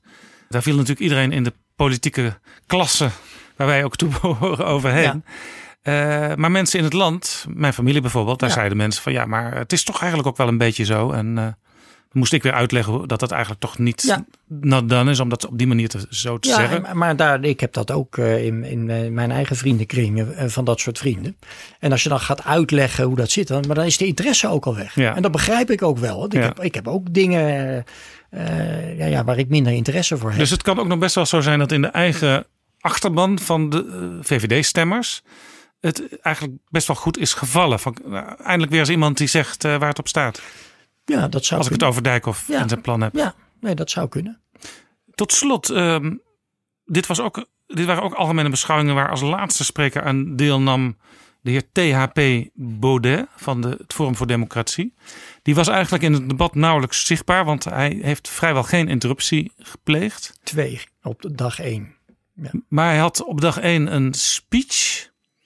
Die begon met een gedicht. eh, wat uiteindelijk een gedicht van de overleden dichter Menno Wichman bleek te zijn. Daarna stapte hij over op citaten van George Orwell. Eh, maar hij kreeg geen enkele interruptie. Nee. En dat is vervelend. Er waren er meerdere die geen interruptie hebben gekregen. Volgens mij Marianne Thieme heeft geen interruptie gehad. Segers heeft geen interruptie gehad. En er was er nog één. Er waren er drie achter elkaar. Dat is eigenlijk de, de meest trieste. Ze zijn de meest trieste figuren hè, die helemaal geen interruptie ja, krijgen. Ja, dat is maar dat, je, dat vind ik. Je moet het ook een beetje uitlokken. Dus je moet ook een beetje. Ja, wat ik altijd heel knap vind aan Kees van der Staaij. Die is natuurlijk ook altijd als een van de laatste. Maar die weet wel de zaal weer tot leven te brengen. En dan komt er op een gegeven moment vanzelf een interruptie. Omdat je dan ook een bepaalde gunfactor Ja, je hebt, je hebt mensen, je hebt altijd iemand in het parlement en dat is vaak iemand uit de kleine christelijke partijen. En dat is nu al heel lang Kees van der Staaij. Ehm, die als een soort, toch een soort van geweten van het- het debat worden gezien. En dan niet speciaal omdat ze van een hele orthodoxe christelijke partij zijn. Maar meer omdat ze gewoon heel zuiver redeneren. En vaak ook een soort toch op, tamelijk objectief oordeel kunnen geven over de gang van zaken. Ja, en dat, dat, is, dat geldt zeker voor SGP'ers. Wij, wij, wij trainen heel veel gemeenteraden in het land. En daar ehm, merk je dat SGP'ers A heel goed kunnen debatteren. Omdat er echt een intrinsieke interesse echt is in de mening van de ander. En daar ook echt naar willen luisteren en ook in mee willen denken. Dat wil niet zeggen dat ze hun eigen standpunt veranderen. Maar ze willen het heel graag horen. Dat merk je bij Kees van der Staaij ook. Die stelt gewoon echt oprecht geïnteresseerde vragen. Ehm, en dat, dat geeft ook lucht in een debat. Dat er. En hij heeft ook een hele aparte positie altijd, want eh, Klaver die maakt een groot punt van die dividendbelastingafschaffing. Hij zegt ik kom met een herstelwet om dat ding weer, om die hele afschaffing weer terug te draaien. En pas dan krijgt u straks mijn steun in de Eerste Kamer, mocht u die zoeken na de Eerste Kamerverkiezingen. De SGP heeft gezegd, ja, wij doen daar niet aan mee. Bleek de enige oppositiepartij te zijn die zich dus niet bij Klaver aansloot. Maar Van der Staaij zei wel weer, ehm, de argumenten van het kabinet van premier Rutte voor die afschaffing van die dividendbelasting worden steeds dunner. Met andere woorden, hij zegt eigenlijk zien wij ook niet meer waarom je dat zou doen. Maar toch niet aansluiten bij de rest van de oppositie. Ja, maar daar geeft, geeft toch wel een, sub, ja, wel een subtiel signaal af. Het zou toch alsnog misschien wel een keer kunnen dat hij toch omgaat. Ja, en dat, dat vind ik dan zelf altijd wel weer mooi. Dat ook dat soort partijen zijn Ja, die dat niet meemarcheren, maar Ja. wel een hele eigenzinnige positie innemen. Ja. ja, en dan nog even over, over Baudet, want daar hadden we het net over. De, de, zijn betoog had op zich, zat dat betoog toen we dat nog een keer gingen nalezen, ehm, wel goed in elkaar. Hij had wel had natuurlijk maar één boodschap. En dat is dat het eigenlijk een schijnvertoning is wat we hier doen. Ja, hij, ze- hij zei ook in de wandelgangen dus meteen achter de grote zaal, hoor ik eigenlijk van iedereen dat ze dit maar een ritueel vinden met ja. die, die spreker, die andere spreker, de minister-president die er weer op ingaat. Maar hoor jij dat, want jij bent natuurlijk de debatdeskundige, hoor je dat ook wel eens van jouw mensen in het land? Van ja, wat is het eigenlijk toch een ritueel daar? Ja, ik denk dat voor heel veel mensen de, de voornaamste vraag is: voor, ze weten toch op voorhand al wat de uitkomst is. Eh, en mijn antwoord is dan altijd: ja, dat is bij de meeste debatten zo. Niet met alle debatten, maar wel met de meeste debatten. Maar het doel van dat debat is ook niet primair meestal om de anderen te overtuigen in het parlement. Maar is om aan de achterban uit te leggen waar het meningsverschil in zit en waarom. Even de krijtlijnen voor het komende parlementaire jaar neerzetten. Ja, daar doe je het voor. En dat is natuurlijk in heel veel debatten weet je van ja, de plan gaat door. Want de, de coalitie die gaat natuurlijk allemaal voorstemmen. Dus het doel van het debat is niet zozeer om, om dat plan tegen te houden. Maar iedere keer weer uit te leggen. Nou, als wij het zouden doen, zou dit het alternatief zijn. En dit is waarom we het een verkeerd plan vinden. En dat, ja, dat, dat, is dat een rituele dans? Dat zit er voor een deel wel in. Maar uiteindelijk is dat wel de essentie van democratie. Helemaal tot slot. Een van de allerbelangrijkste deelnemers aan zo'n debat is natuurlijk de minister-president zelf. Hij is de enige die mag spreken namens het kabinet. Hij keek ook af en toe achterom naar zijn ministers en staatssecretarissen als hij even een detail moest belichten in het debat. Wat mij opviel was dat Rutte ja, eigenlijk toch nog steeds op grote hoogte staat als het gaat om het van zich afschudden van kritiek in zo'n debat. Ja, ik, dit, dit, dit is echt een ongekend talent. Het blijft een genot om naar te kijken. Um, hoe deze man met zo ongelooflijk veel flair en zoveel, hij is echt gewoon de dirigent van die hele kamer. Hij bepaalt wanneer het grappig wordt, hij bepaalt, bepaalt wanneer het weer serieus wordt. Er zit een mate van onverwachtheid altijd in, dus hij kan een paar keer voorspelbaar reageren, maar dan opeens kan hij ook weer een uithaal geven. Hij heeft natuurlijk een ongelofelijke dossierkennis en kan op alles over meepraten. Um, maar vooral het plezier wat hij uitstraalt. En wat toch ook nu, want ik had van tevoren dacht ik van nou ja, iedere politicus heeft zijn houdbaarheidsdatum ook binnen het parlement. Rutte zit inmiddels acht jaar op die plek. Dat is een lange tijd. Ja, er komt een moment dat het ook in het parlement zich tegen hem gaat keren. Maar dat is toch echt nog niet bereikt. Ik zag ook toch iedereen ja, eigenlijk ook weer met een soort van plezier naar kijken. Hoewel ze het, het natuurlijk oneens met hem zijn. Ja, hij heeft, hij heeft enkele technieken. Een van die dingen die je eigenlijk nu noemt is hij kan alles met alles verbinden. Ja. Maar ook eh, vaak worden er in zo'n debat hele specifieke vragen gesteld. En mevrouw Cornelissen, die heeft geen. Haar pensioen stijgt al jaren niet meer. Uh, wat Rutte dan wel gaat doen, is ook een aantal keren compassie tonen voor mevrouw Cornelissen. Maar hij gaat het toch weer algemeniseren. En dan noemt hij bijvoorbeeld natuurlijk als het om koopkracht gaat, ja, 96% van de mensen gaat erop vooruit, dit en dat. En ja, misschien vallen er wat mensen buiten de boot, maar daar doen we op een andere manier weer iets aan. Zo masseert hij eigenlijk alles weg. Ja, en, en, en ja, het is natuurlijk eigenlijk ja, als je de retorisch bekijkt, hoe het hem toch lukt om die, die afschaffing van de dividendbelasting, waar je volgens mij als je er objectief naar kijkt, die toch echt heel weinig bewijsmateriaal heeft om het, om het hard te kunnen maken. En er veel meer bewijsmateriaal aangevoerd kan worden waarom het misschien waarom het een slechte maatregel is of waarom het niet gaat werken. Als het je dan toch lukt ja, om, om het toch op zo'n manier weer te vertellen dat, het, dat je er niet echt een gat in kan schieten. Waar ik het nog het meest van kan genieten bij Rutte, is dat je um, aan het eind van zo'n week, waarin, ze, en, waarin het echt op, op het scherp van de snede gaat, het zijn lange dagen. En dan staat hij hier vandaag en dan wordt er gewoon twaalf uur lang toch echt op hem ingebeukt. En aan het eind van de wedstrijd zie je die dertien mensen die tegenover hem staan vermoeid raken en naar het weekend verlangen. En bij Rutte, naarmate de dag voordat, lijkt wel of hij daar steeds nog meer plezier in krijgt. Een soort Duracell konijntje. Geen enkele vermoeidheid. Je zag zelfs ministers wegdommelen, ogen die ze bijna niet meer open konden houden. Ja, en die, maar daar kan ik me nog wat bij voorstellen, want die zitten er maar de hele dag. Maar ook bij een Klaver en ook bij een Ascher en ook bij de rest zie je op een gegeven moment toch echt wel de vermoeidheid toeslaan. Maar deze man is, is onvermoeibaar en straalt enthousiasme en plezier uit. En dat, dat, dat blijft ja, dat slaat toch echt aan. Daar hebben mensen toch echt wel bewondering voor. Dit was vorm en een klein beetje inhoud in de algemene beschouwingen van afgelopen week. Straks ga ik dieper op de inhoud in, de financieel-economische inhoud, met Bas Jacobs, hoogleraar aan de Erasmus Universiteit in Rotterdam. Maar eerst ga ik praten met Pieter Gerrit Kroeger. Dankjewel, Roderick van Grieken van het Nederlands Debatinstituut. Graag gedaan. Jaap Jansen en Pieter Gerrit Kroeger Duiken in de politieke geschiedenis. PG, welkom in Betrouwbare Bronnen. Dag Jaap. Het was deze week een bijzondere week. Prinsjesdag en de algemene beschouwingen. Nou, dat hebben we elk jaar. Maar de algemene beschouwingen die werden onderbroken. Want woensdag vond de eerste termijn van de Tweede Kamer plaats. En pas vrijdag het antwoord van de minister-president en de tweede termijn. Want de hele donderdag was het stil in de plenaire zaal van de Tweede Kamer. Toen was de minister-president in Salzburg op een speciale informele top van de Europese regeringsleiders, waar onder andere de Brexit aan de orde was. Ja, uh, een historisch moment in de Nederlandse politieke en parlementaire geschiedenis. Laten we er niet omheen draaien. Er is nu openlijk dus vastgelegd dat het formeel overleg uh, intensief in Europa belangrijker is dan het nationale beleidsdebat. De Europese Unie gaat boven wat er in de nationale politiek gebeurt, zelfs in de belangrijkste parlementaire week van het jaar. Ja, en dan ook nog, dus niet een bijvoorbeeld uh, grote eurotop met, met, met twintig verschillende onderwerpen. En dit een informele eurotop, die dus begon met een diner, waarin mevrouw May nog één keer als haar, haar pitch kon doen. En dan natuurlijk informele gesprekken. En de, de volgende dag, daar was Rutte wel bij. En het interessante was, op de, het begon dus inderdaad al op woensdag. Toen waren wel de algemene beschouwingen in Nederland. En de minister-president Rutte had afgesproken met zijn uh, Belgische collega Charles Michel... dat die aan tafel namens Nederland het woord zou voeren. Ja, ik bedoel, ik zei al, een historisch uh, moment. Dit is dus het nummer twee historisch moment.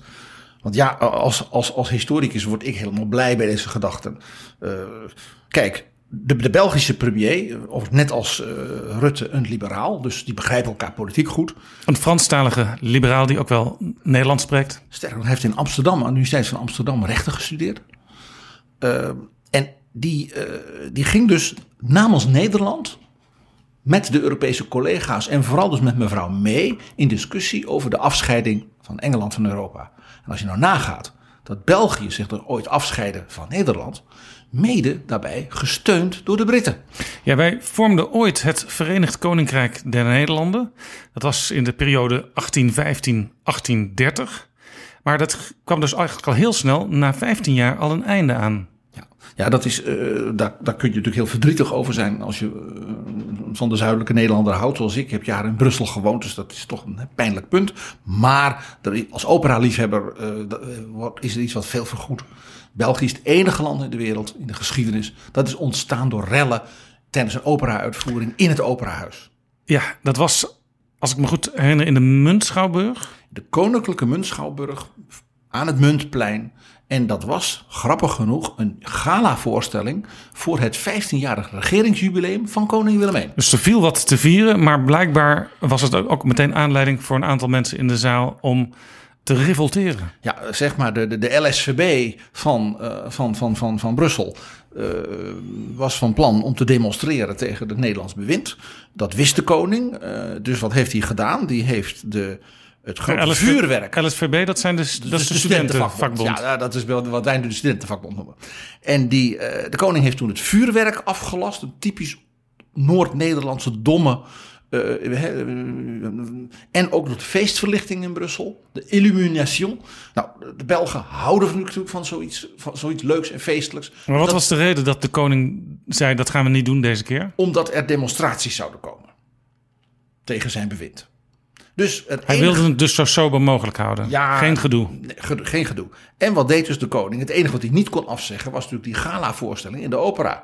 Dus ja, als je nog iets wilde laten blijken, dan moest je dus naar die gala-voorstelling gaan. Dus het zat helemaal vol. En uh, in het tweede bedrijf komt dan de beroemde tenoraria Amour sacré de la patrie. Heilige liefde voor het vaderland. En uh, ja, die studenten hebben zo'n kabaal gemaakt bovenop het schellinkje. En uh, gejuicht en bloemen gegooid. En toen hebben ze geëist dat de, dat de tenor, de opera, dus de aria nog een keer zou zingen. Dat heeft hij goed gevonden. Maar ja, je kunt er niet blijven bisseren. Want ze, nou, toen werd er dus gedoe en demonstratie. Er is gevochten in de foyer van de opera. De politie is dus met, met de wapenstok gaan meppen op het plein van de opera tegen die studenten. En het Nederlands bewind was binnen de kortste keren ten einde. Was er speciale reden waarom uh, dat lied aangeheven werd. Amour sacré de la patrie. Je zou dus kunnen zeggen een vaderlandslievend lied. Misschien is de vraag hierbij welk vaderland werd er bedoeld? Nou, de opera heette La Muette de Portici van een Franse componist, meneer Aubert. Het stuk was heel nieuw, het was dus een modern stuk. Het werd uitgevoerd. La Muette is de stomme. Het meisje, dus een meisje dat niet kon praten.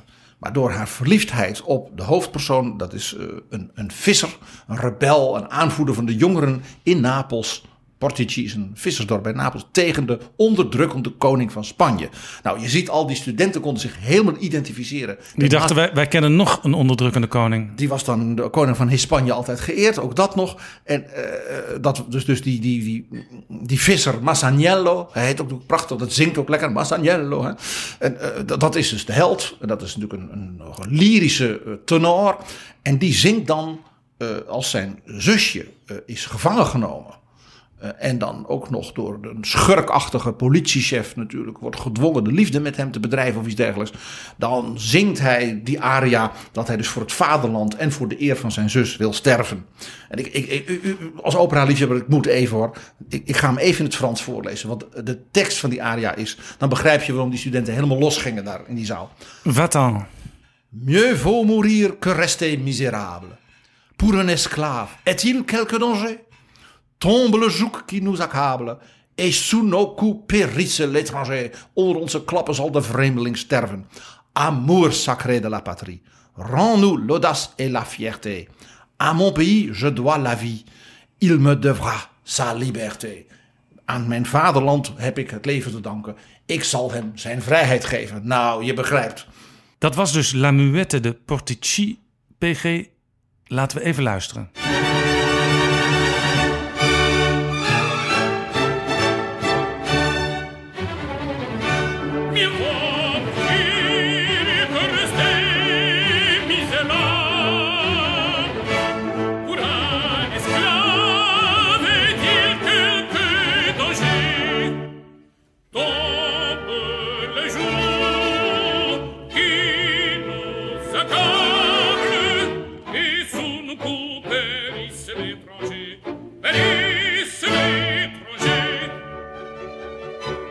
Was in het Frans. Frans was toen ook de taal van de deftige bovenklasse. Ik denk dat de koning zelf ook wel ter plekke Frans zal hebben gesproken. Zeker. Dus iedereen wist ook wat, wat de lading van die tekst was. Ja, nog vermakelijker. De opera was van 1828 en was in 1829 al in het kunstzinnig zeer progressieve Brussel als dus nieuw modern stuk uitgevoerd in aanwezigheid van koning Willem I. Een jaar eerder dus ja. gebeurde dat. Dus die gala was, omdat de koning er al eerder was geweest, alleen kreeg het nu ineens een enorme politieke lading. En daar, daar ontstond dus de revolutie. Maar normaal gesproken zou je denken, ja, een, een relletje in een operahuis, hoe bijzonder ook. Uh, de volgende dag gaan we weer over tot de orde van die dag. Ja, maar de, de, de politie van het Huis van Oranje, die natuurlijk dat allemaal volkomen hebben verknoeid met de, Belgische politiek. Het is gewoon te danken aan het slechte beleid van de Oranjes. Uh, die is dus gaan meppen. Uh, die avond op het plein voor de opera. Dat leidt dus tot de volgende dag tot demonstraties voor meer vrijheid en wat al niet. Ook daar zijn ze gaan meppen. Uh, en toen ontstond er een soort rebellenbeweging met een soort regering die dan. En dat, dan werd die wilde overleggen met de koning. Nou, die weigerde dat. Dus dat leidde tot een militaire ingreep. Het Nederlandse leger is dus België binnengevallen om de rebellen te verslaan. Uh, en toen heeft de koning van Frankrijk het Franse leger laten binnenvallen. Want die zag natuurlijk zijn kans schoon. En toen hebben de Britten. Daarom is die verbinding met Brexit Ja. ook zo mooi. De Britten hebben toen ingegrepen. Die hebben tegen Frankrijk gezegd: doe dat nou niet. Tegen Nederland gezegd: doe dat nou niet. En die hebben toen dus die Belgische nieuwe regering erkend. En hebben, hebben hebben de Belgen ook hun koning gegeven. Dus het, het België eigenlijk zoals we dat nu kennen, dat was er waarschijnlijk niet op deze manier geweest als die Britten op dat moment niet een soort sussende werking hadden gehad. Uh, die Britten waar we nu weer afscheid aan nemen van zijn uh, bij de Brexit afscheid uit de Europese Unie. En de Belgen en de Nederlanders die het nu blijkbaar zo goed met elkaar kunnen vinden dat zij op belangrijke momenten met één mond kunnen spreken. Ja, dus na de Belgxit van de 19e eeuw is dus een soort politieke verzoening tussen de Nederlanders en de Belgen eh, rondom de, de brexit. Die zozeer is dat dus de Nederlandse premier zegt ik blijf in Den Haag voor het debat. Want ik moet toch echt luisteren naar Henk Krol en Lilianne Marijnissen. Uh, en uh, Charles Michel, de, de liberaal uit Brussel, die zal het Nederlandse standpunt, dat zal hij heel goed doen. Het meest verbluffende was natuurlijk dat er dus geen Kamerlid die avond een vraag heeft gesteld. Wat gaat hij daar zeggen? En kan dat wel? En hoe is u dat? Heeft u dat met hem afgestemd? Nee hoor. Ja, want aan zo'n tafel worden altijd een aantal uh, ja, korte opmerkingen gemaakt door de mensen die aan tafel zitten. Dus dat wordt van tevoren uitgebreid doorgesproken. Uh, daar wordt, omdat het informeel is, waarschijnlijk ook al wel echt een beetje ge, ge, gediscussieerd. Uh, maar donderdag was Rutte natuurlijk wel in Salzburg, want daar werden echt spijkers met koppen geslagen. Althans, dat had Theresa May, de premier van Groot-Brittannië, gehoopt. Maar eigenlijk kwam ze als een, als een geslagen hond, moest ze weer het vliegtuig naar Londen terugpakken. Even nog voor de opera-gekken. Dat diner, waar dus Rutte niet aan zat, maar wel de Belg, was in de opera. De mensen hebben misschien de foto's wel gezien. Dat was een grote ronde tafel. En dat is de opera Van waar de- de, beroemde Salzburger Oh, vechtspieren over worden gehouden. En die omgeving, dat is een rotspartij. Maar dat is toch eigenlijk een, een soort manege waar dat ja, plaatsvindt? dat was de, de, de dus in de rotsen uitgehouwen paardenrijschool van de baas van Mozart. De kardinaal van Salzburg. En zo zijn we dus weer terug in de opera. En van de 19e eeuw nu zelfs naar de 18e eeuw. Hoe kan het toch dat al die dingen met elkaar samenhangen en dat alleen jij dat ziet, PG? Dat komt omdat de cultuur van Europa door zijn diversiteit in nationale zin, ook in taalkundige zin, in traditie, zo ongelooflijk rijk is. En omdat we in Europa zo lekker dicht op elkaar wonen, we eigenlijk ook allemaal weer bij elkaar horen. En dat is natuurlijk toch het geheim van de Europese Unie. En dat geeft ook aan dat het een hele domme beslissing is geweest van eh, het Britse volk om uit de Europese Unie te willen stappen. Want we hebben gewoon een enorme hoeveelheid cultuurverwantschap. Eh, de Britten met de rest van Europa en alle Europese landen ook onderling. En je kunt inderdaad heel makkelijk van de ene opera naar de andere opera gaan. Laten we niet vergeten dat de allergrootste Britse operacomponist, wiens werk zelfs zijn godsdienstig werk bij elke kroning van de Engelse koningen wordt uitgevoerd. Zedok the Priest. Wat bekend is bij elke Nederlander als de openingsmuziek van de Champions League. Maar dit terzijde. Ja. Dat dat is Georg Friedrich Händel, een Duitse jongen uit Halle, in wat nu eh, vroeger daarna Oost-Duitsland was, die al 17-jarige als pianogenie in Rome beroemd was. En daarna als operacomponist in Londen, als ware een soort eh, eh, ja, Andrew Lloyd Webber werd. Want die had dus zijn eigen operahuis met zijn eigen gezelschap. En hij schreef zijn eigen opera's. En als we het toch over wat, wat meer populaire cultuur hebben. We zagen enkele weken geleden op de BBC-televisie The Last Night of the Proms. Dat is ook een jaarlijke, jaarlijkse traditie waar eh, allerlei volksliederen eh, luidkeels door het ganse publiek gezongen worden.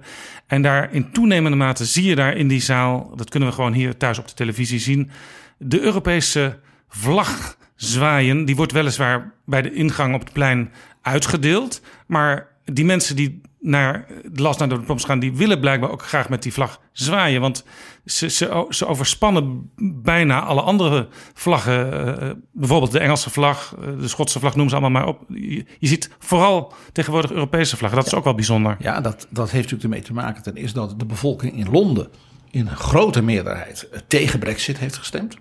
Uh, en ik denk toch ook wat, zeg maar, dan wat meer kunstzinnig, uh, cultureel geïnteresseerde Britten. Uh, die, van klassieke muziek houden zo misschien ook wel. heel leuk. Elk jaar hebben ze dan één beroemde zanger of zangeres. die dan een aantal mooie liederen en aria's zingt. En dan natuurlijk meezingt met die patriotische dingen. En elk jaar mag zo'n persoon dan ook iets van zijn eigen nationale kleuren. Dit jaar was het Gerald Finley, de bariton een Canadees. En die had dus in zijn jasje, ging eerst dus de, de vlag van Engeland open. En dan scheurde hij op. En daaronder zat dus een enorme Canadese vlag. Nou, de Canadezen in die zaal, die ook allemaal met hun vlaggen, die helemaal wild werden. Dan zie je dus hoe patriotisme iets heel moois kan zijn. En nationalisme, zoals François Mitterrand zo mooi zei, c'est la guerre. PG, jij zegt het komt ook door Londen, dat heel erg zich verwant voelt met de rest van de Europese Unie. Er werd zelfs gegrapt meteen na de Brexit dat Londen zich zou willen afscheiden van Groot-Brittannië en zich zou willen aansluiten bij de Europese Unie, net als de Schotten dat willen. Eh, de, de burgemeester van Londen die heeft onlangs aangekondigd dat hij een tweede referendum wil, zodat de Britten op hun schreden kunnen terugkeren en gewoon in de EU kunnen blijven. Dat is heel opmerkelijk, want eh, dat is een beweging die een beetje van onderop eh, in Engeland naar boven is gekomen. En dat burgemeester Sadiq Khan zich daarachter heeft gesteld. Hij is van de Labour Party. Dat is daarom zo pijnlijk, precies, omdat het een week is gebeurd voor het Nationaal Congres. En de leider van de Labour Party, Jeremy B. Corbyn, wil absoluut geen tweede referendum. Dus dit is ook nog een openlijke scheuring in de top van Labour. Ja, Jeremy Corbyn die zou het als oppositieleider Theresa May heel moeilijk kunnen maken als die handig zou opereren aangaande de Brexit. Eh, namelijk richting van eigenlijk willen wij dat helemaal niet. Want dan is er uiteindelijk in het Lagerhuis niet eens een meerderheid meer voor de Brexit. Maar een, een groot deel van zijn achterban, dat zijn, zeg maar, de, is de arme working class. Ja, die heeft voor Brexit gestemd, dus hij kan daar nu niet ineens op terugkomen. En bovendien is Jeremy Corbyn een klassieke eh, neo-Marxist van de jaren 70 en haat de Europese Unie. Hij is misschien nog wel een ergere tegenstander ideologisch dan Farage. Over de Europese Unie haten gesproken. Deze week in de algemene beschouwing hadden we natuurlijk ehm, heel veel sprekers. Eentje was Thierry Baudet, die eigenlijk nauwelijks aan het debat deelnam en pas spreektijd kreeg, omdat hij de kleinste fractie leidt, aan het eind van de dag. En dat heb jij ook gezien, hè, die spreekbeurt. Eh, eh, dat was ook een historisch moment in de algemene beschouwingen. Eh, Was het maar- maar- historisch omdat hij een gedicht uit het hoofd opzegde? Nee, nee, want gedicht uit het hoofd opzeggen, dat kon Joop den Uyl bijvoorbeeld al als geen ander. Eh, nee, eh, voor het eerst sinds eigenlijk het eind van de Tweede Wereldoorlog, 45, heeft een fractieleider in zijn speech een openlijke antisemitische passage ingelast. En hij werd niet eens geïnterrumpeerd. Wat zei Baudet? Nou, het ging erover van de Nederlanders zijn dit land niet meer zelf de, de baas. Eh, de vraag is wie dan in dit land de baas is. Is dat Mark Rutte? Nou nee dus. En toen vroeg hij, is het soms Soros? Argumenten zijn zinloos in dit huis. Het is allemaal voor de bühne. Het is allemaal schijn. Zoals onder meer de discussie over de zinloze afschaf van de dividendbelasting laat zien. En de vraag die zich dus opdringt, ambtsgenoten, is: wie is dan eigenlijk wel de baas in dit land? Wie kan wel iets beïnvloeden of beslissen? Is het Mark Rutte nog wel? Is het de koning? Is het Juncker? Is het Soros? Nou, dat is gewoon een openlijk antisemitisch, eh, bijna grapje. Hij doelde op George Soros. De Hongaarse filantroop en Ja, bankier. hij heeft veel geld eh, gemaakt door speculaties. Nou, dat is, daar is op zich niks mis mee. Want eh, ja, als je goed kunt speculeren, dan, dan, dan krijg je veel geld en dat kun je dan ook weer investeren. Eh, maar hij wordt eigenlijk door, door Hongarije, door eh Orbán, die daar nu aan de macht is, als een soort kwade genius gezien. Hè? Eh, Soros heeft ook een universiteit opgericht in Hongarije. En Orbán wil eigenlijk het liefst die universiteit helemaal dicht doen. Ja, en nou ja, eigenlijk alle zeg maar, NGO's die hij steunt, die staan er zwart op bij de regering in Budapest. Maar het is veel breder. Soros als persoon is een soort symbool geworden van ja, extremistisch rechts. Dat in hem een soort eh, nou ja, globalist ziet. Nou, dat is natuurlijk hè, een, cosmopoliet. Dat zijn allemaal bekende antisemitische termen. eh, ook uit het, de Stalin-tijd. Eh, men heeft ook zo'n heel verhaal dat de heer Soros... dat hij in de nazi-tijd dus zeg maar bij de, meedeed met de SS. Het probleem was, hij was toen iets van acht. Dus dat, dat was hij er erg vroeg bij. Kortom, dat is dus een hele beeldvorming van mythes en legendes. En ja, nou ja, gewoon racistisch. Ja, en jij noemt de sta, over sta, die man. Stalin-tijd. We, kunnen natuurlijk ook de Hitler-tijd noemen. Eh, je kunt, het is altijd lastig om dat soort referenties te maken. Maar het punt is dat de, de verwijzing naar eh, de Jood, tussen aanhalingstekens, in dit geval Soros. eh, Ja, voor- vooral- ja, dat, dat, vooral- dat, dat, dat kan eigenlijk niet anders dan de gedachte daarnaar laten afglijden naar die periode. Het gaat met name dus om de verwijzing naar een soort mysterieuze, eh, puissantrijke Joodse manipulator die met zijn geld de media, corrupte politici, allemaal instituties dus omkoopt. En dat is een klassiek antisemitisch motief al uit de nou ja, 18e, 19e eeuw, waarbij dan de familie Rothschild eh, vaak werd genoemd. En Baudet die zei dat. Eh, Baudet werd tijdens zijn hele speech niet geïnterrumpeerd. Nou is het ook wel een foefjes soms van andere partijen. Zo van, we geven iemand niet te veel aandacht. Want als er discussie ontstaat, dan is de kans aanwezig dat dat op televisie wordt uitgezonden. Uh, maar jij vindt dat eigenlijk toch niet goed dat dit onweersproken bleef? Nou, laat ik zo zeggen. Ik had er begrip voor op dat moment. Hij was de laatste spreker in de. de iedereen in de Kamer en het kabinet was gewoon, was gewoon moe. Laten we heel eerlijk zijn. Een heel lang debat. Men heeft dus die, ja, die eindeloze. Uh, golvend proza uh, maar zich over zich heen laten gaan. Maar het, was pijnlijk omdat vlak daarvoor uh, Lodewijk Asscher van de PvdA was begonnen met het is vandaag Yom Kippur. En dat is de dag van de verzoening en ook de dag van de ingetogenheid en ook van, eh, van berouw bij de, in de Joodse, het Joodse geloof. Waarbij je dus als daar een dag thuis blijft en dan vast en nadenkt over de fouten die je hebt gemaakt het voorbije jaar. En bijvoorbeeld met welke mensen je het die in de loop van die avond uh, weer goed gaat maken. Eigenlijk een heel toepasselijke tekst ook van Ascher. En dat was, heel, dat was een heel mooi persoonlijk begin. Uh, het was niet sentimenteel. Uh, en, en het was ook verrassend.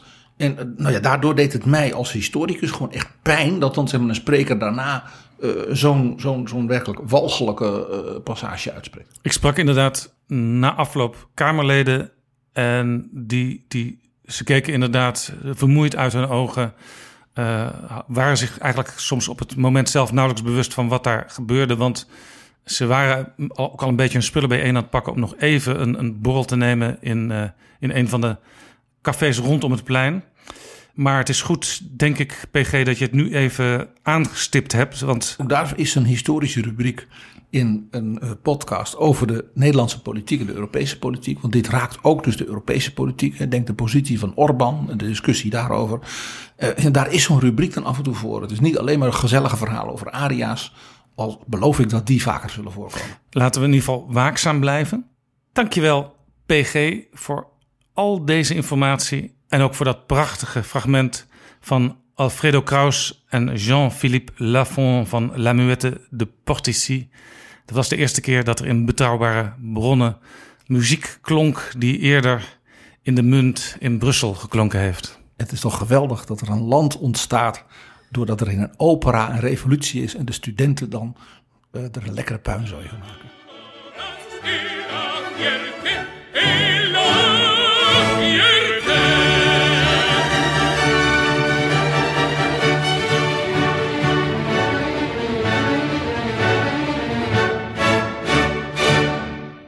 Dit is Jaap Jansen met Betrouwbare Bronnen.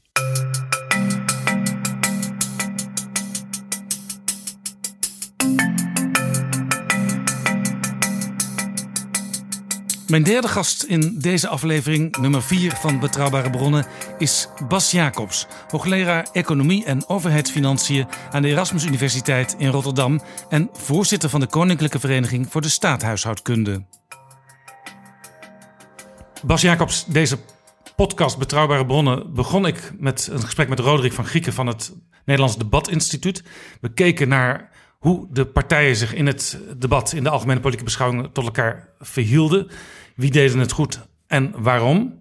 En uh, een van de opmerkingen was ook van Roderick van Grieken dat Rutte goed stand hield. Want eigenlijk schudde hij alle kritiek soepeltjes van zich af. Het is nog steeds wel de Rutte die we kennen.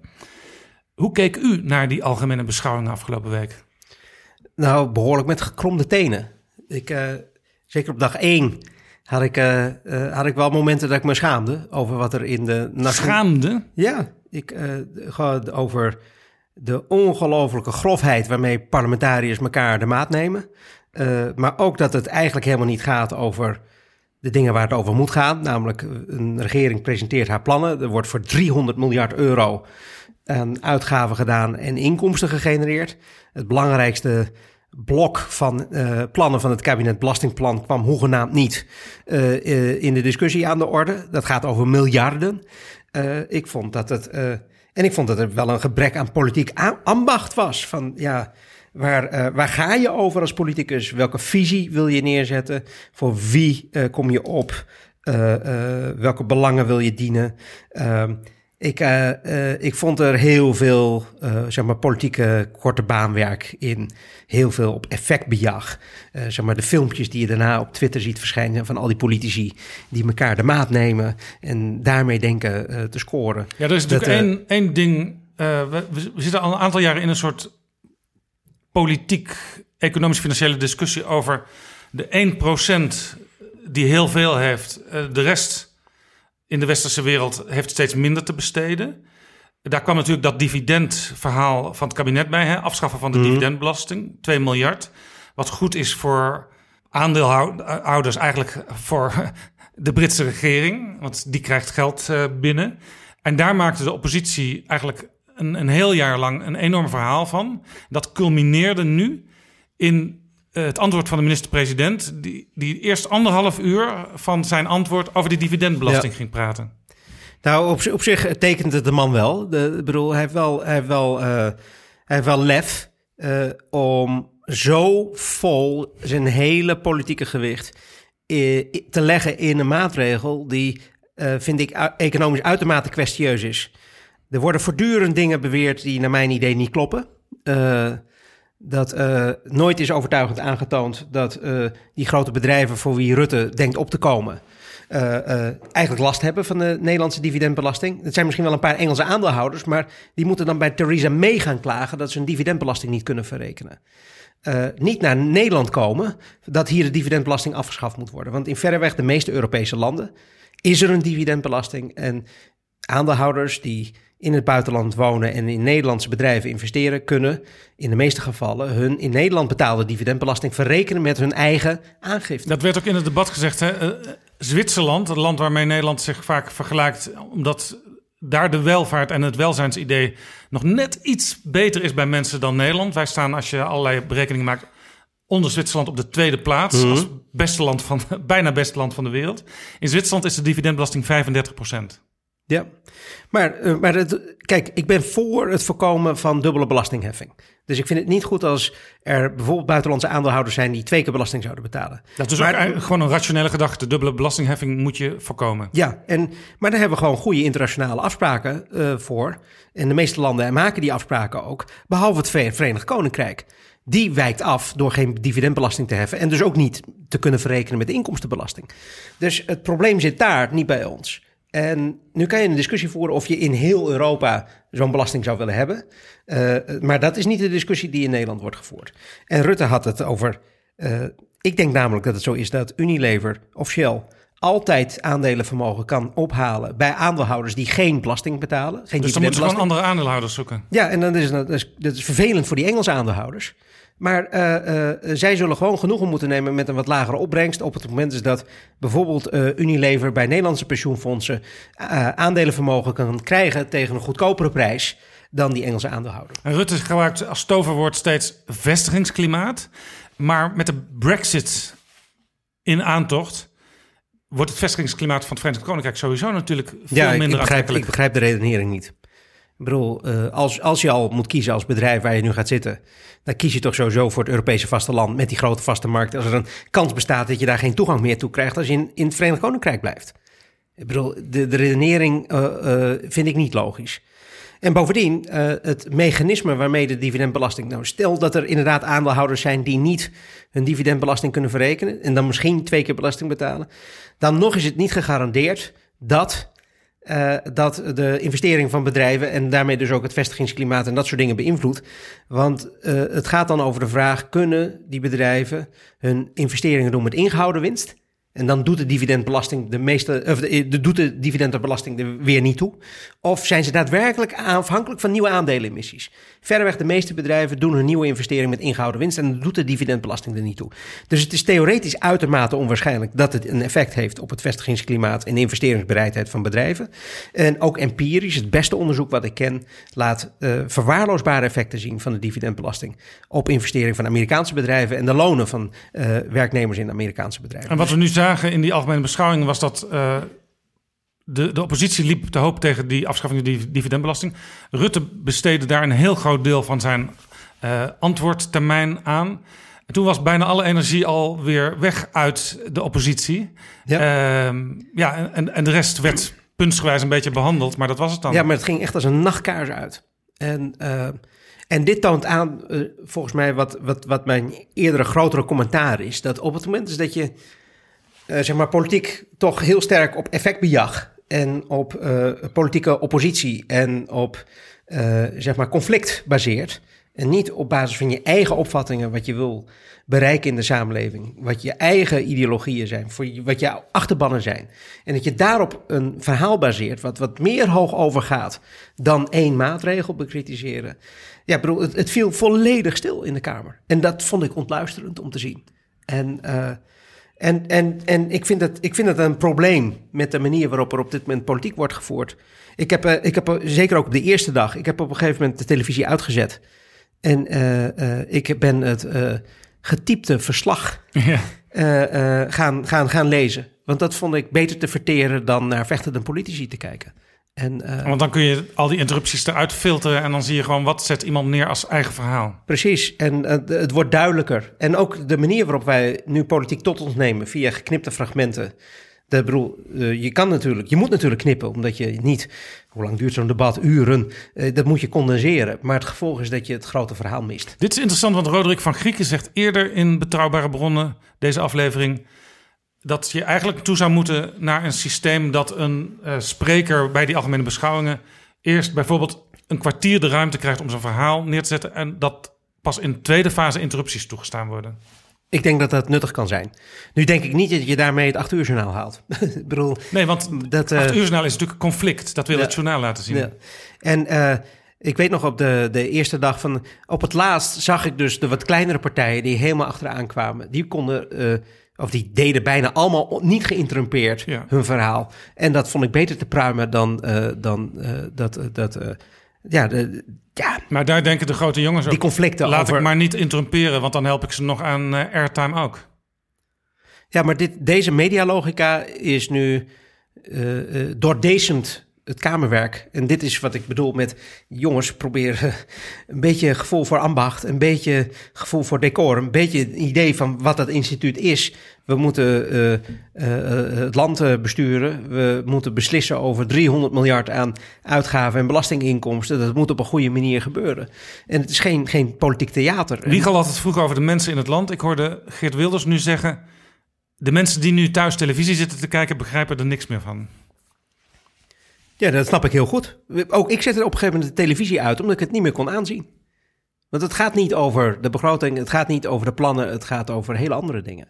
En natuurlijk moet je dat voor een deel erbij hebben, maar het kan niet alles overschaduwen. Dat, natuurlijk moet je mensen met een beetje theater en een beetje jus uh, engageren, maar dat kan niet het enige zijn. Dat, uh, en uh, ja, en wat, wat, wat ik, er was nog iets wat me opviel, en dat was dat er een paar dingen zijn die zijn zo zeg maar, ingesleten in het, in het politieke discours. Dat uh, bijvoorbeeld uh, Rutte meerdere malen zei dat door het bezuinigingsbeleid Nederland sterker uit de crisis kwam.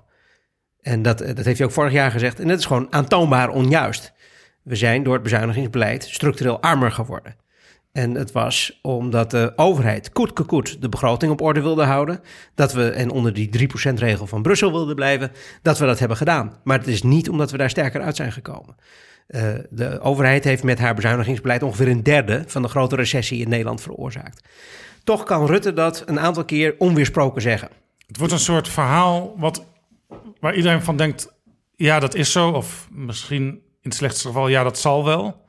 Maar feitelijk klopt het niet. Feitelijk klopt het niet. Koen Teulings uh, schreef er al over in het FD. Ik heb er al vorig jaar het jaar daarvoor een aantal stukken over. Ja, ik had het er met Koen uh, Teulings ook over in, uh, in aflevering 2 van Betrouwbare Bronnen. Ja, en, en er is een soort blijkbaar een onweersproken consensus dat uh, uh, het begrotingsbeleid in de crisis Nederland beter heeft gemaakt. En het is gewoon evident niet waar. En uh, toch wordt dat door alles en iedereen in Den Haag nagepapegaaid. De koning die zei in zijn troonrede het volgende. De regering wil het sterke land nog beter maken. De economische voorwaarden zijn daarvoor aanwezig. In 2019 groeit de economie voor de zesde jaar op rij. Naar verwachting neemt het nationaal inkomen volgend jaar met 2,6% toe en bedraagt het overschot op de rijksbegroting 1% Hierdoor wordt de staatsschuld lager en is Nederland beter voorbereid op toekomstige economische schokken. De werkloosheid daalt naar een historisch laag niveau van 3,5 Met andere woorden, de koning zegt hier: het gaat uitstekend. Uh, vooral dat laatste, dat de werkloosheid naar historisch lage niveaus daalt, dat is absoluut goed nieuws. Want de vrees van heel veel economen, inclusief mijzelf, van de grote recessie was dat dat een soort permanent litteken uh, op de arbeidsmarkt zou achterlaten, waarbij een deel van de mensen uh, voor eens en voor altijd buiten de boot zou vallen en geen werk meer kon vinden. Dat is godzijdank niet gebeurd. Ja, want en, iedereen wil graag werken. Werken is ook de beste garantie voor een echt sociaal leven. Hè? Dat je mensen tegenkomt en dat je jezelf kan ontwikkelen. Uh, ja, maar ik denk dat voor, zeg maar als econoom geredeneerd, dat als je ziet dat er mensen door tijdelijke schokken permanent verloren gaan voor de arbeidsmarkt, dat het ook een enorme economische kostenpost is. En natuurlijk heb je gelijk dat werk een hele belangrijke factor is in het, in het welbevinden van mensen de geluksstudies laten zien dat het hebben van werk een, een enorme uh, bijdrage levert naast het hebben van uh, familie, gezondheid, dat soort zaken. Dat gaat dus goed. de koning legt ook de nadruk op de economische groei. Voor de zesde keer op rij gaat het dus in die zin goed met Nederland. Die economische groei, wat kun je daaruit afleiden? Nou, ik vind dat dit een, een, vrij gestileerde uh, weergave is, want hij is pas gaan tellen uh, uh, nadat we op het dieptepunt van de crisis zaten. En, dus geen wonder eigenlijk dat er groei is als het wat beter gaat. Hoe dieper de crisis is, hoe, hoe meer groei je hebt in de jaren na de crisis. En we hebben een diepe crisis gehad. Van 2008 tot 2015 heeft het geduurd. Dus zeven jaar lang heeft het geduurd voordat we weer op het niveau, inkomensniveau van 2008 stond. Nou, was ook wel zo dat die crisis van 2008 die werd vergeleken met de crisis van de jaren 30. Dus dat was ook wel een enorme crisis. In een belangrijk opzicht is het niet zo uitgepakt als in de jaren 30. Want we hebben uh, een aantal fouten van de jaren 30 niet herhaald. Uh, de belangrijkste is dat we het financiële stelsel niet hebben laten instorten, wat toen wel gebeurde. Uh, daar zijn mensen als Bernanke en Draghi in Europa toch in hoge mate verantwoordelijk voor geweest. Um, Hulde aan Draghi?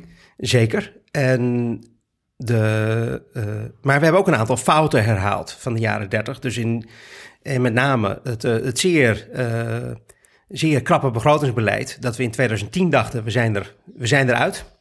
En dat was helemaal niet zo. Door het begrotingsbeleid is Nederland, maar ook Europa als geheel... in een dubbeldepressie terechtgekomen. Ik sprak laatst Koen Teulings, de oud-directeur van het Centraal Planbureau. En die zei ook precies dit.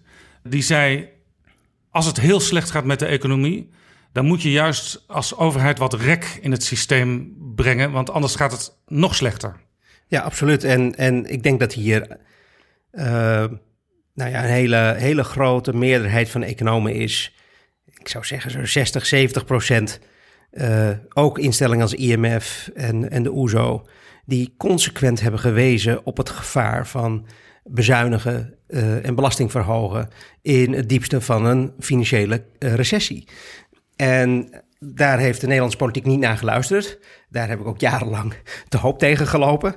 Um, maar uh, het is onnodig diep en lang geweest door het gevoerde begrotingsbeleid. En, het enige jaar waarin de, de overheid wat meer uitgaf, was het jaar van de bankencrisis. Toen Balken en Bos ja, plotseling allerlei maatregelen moesten nemen. En toen, toen konden ze eigenlijk ook niet anders dan meer geld uitgeven. Ja, en ook hier zie je dat dit is het zogenaamde crisis- en herstelpakket van Balken en de Vier. Uh, dat waren uh, heel beperkte uh, begrotingsstimulansen. In 2008 0,7% van het BBP, 2009 0,5% van het BBP, die orde van, van bedragen.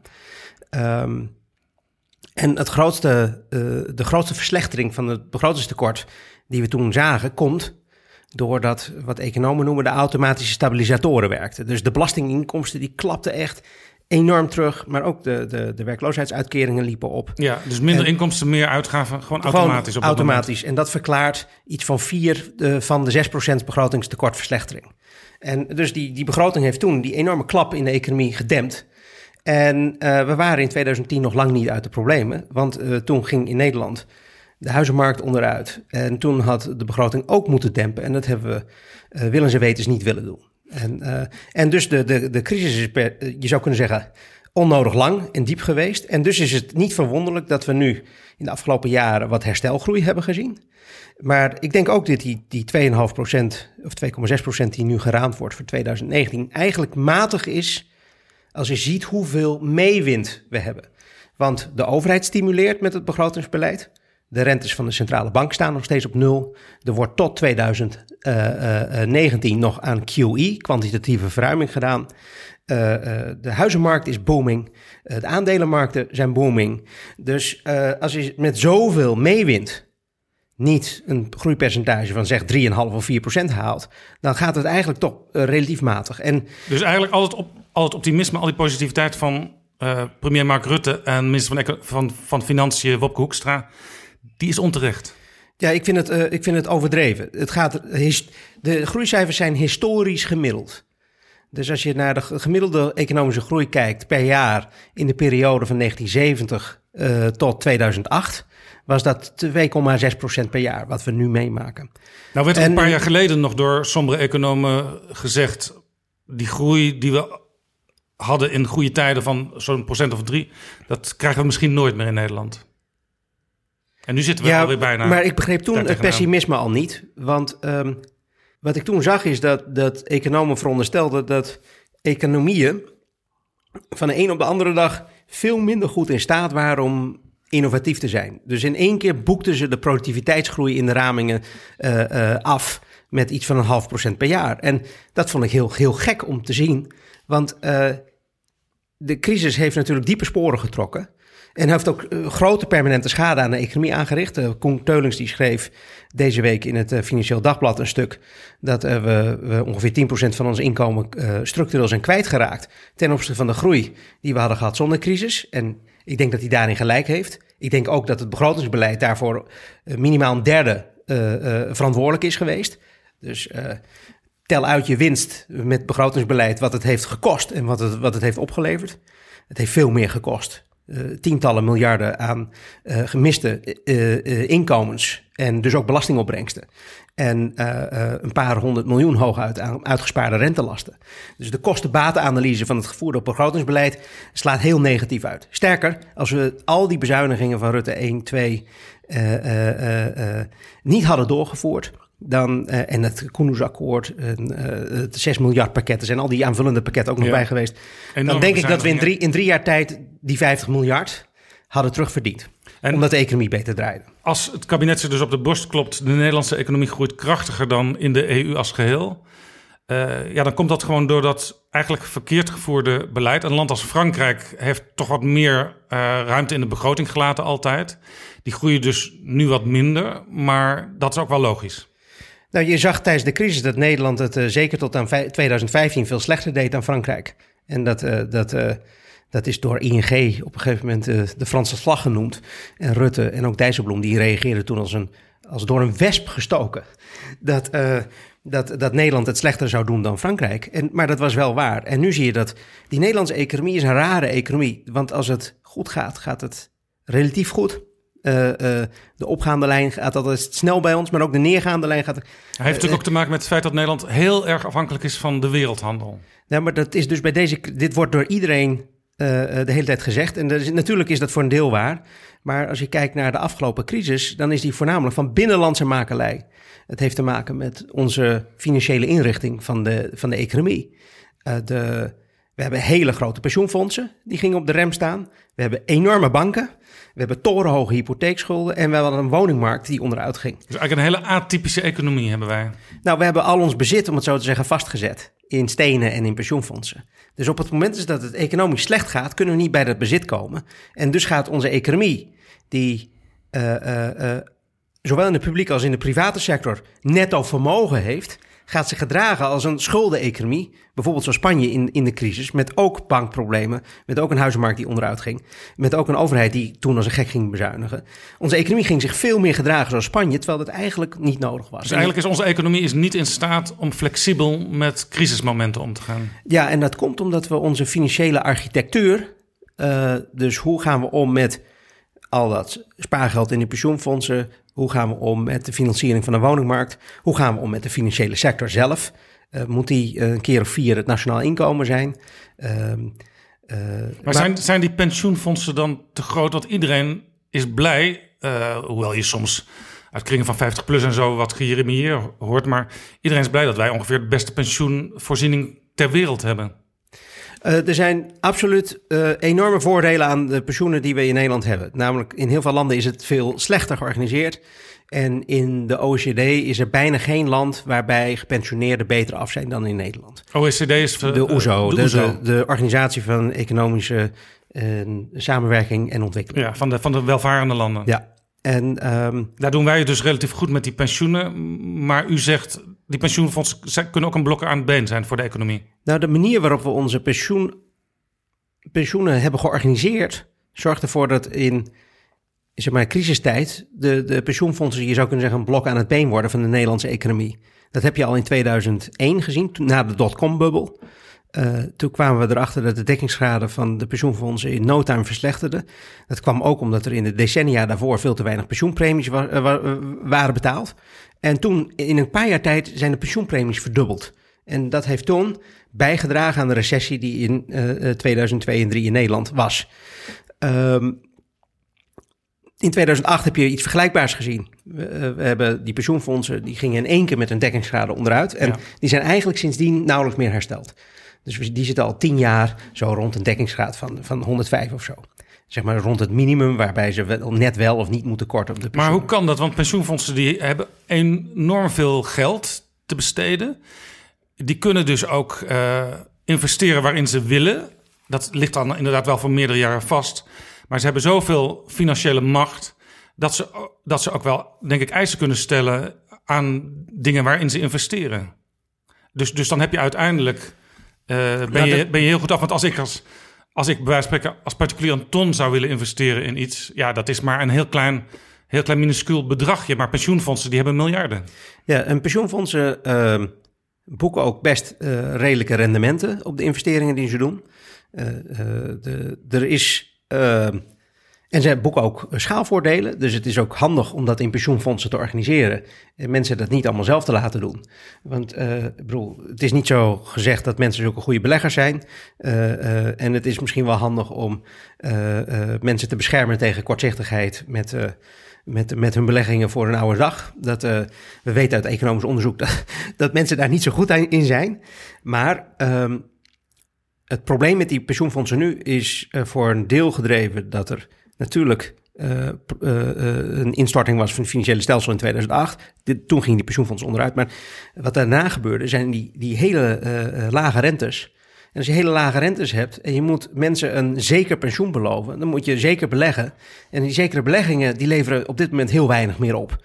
De rentes op staatsobligaties, bijvoorbeeld de tienjarige staatslening, die is, die is maar een half procent of zo. Wat, wat? En dat betekent dat je dus heel veel moet sparen Ja. om een bepaald pensioenresultaat Maar daar te is dus eigenlijk, uiteindelijk is daar niks aan te doen aan dat fenomeen.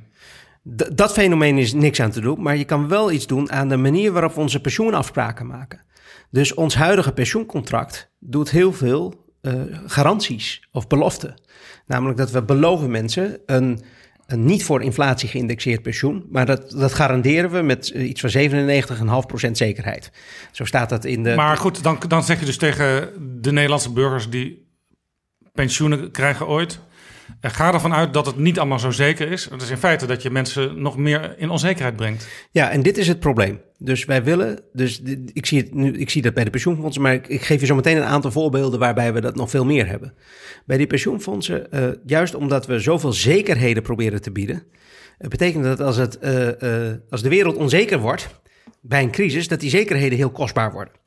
En, en dat je dus, en wat we dus hebben gezien, is het om die zekerheden te kunnen waarmaken, gaat ons pensioensysteem, die economie, als het slecht gaat, eh, extra belasten. Bijvoorbeeld omdat de uitkeringen niet geïndexeerd worden, bijvoorbeeld omdat de premies verhoogd worden, of zelfs de uitkeringen Om gekort, alles de ten rechten dienste gekort. van die pensioenzekerheid.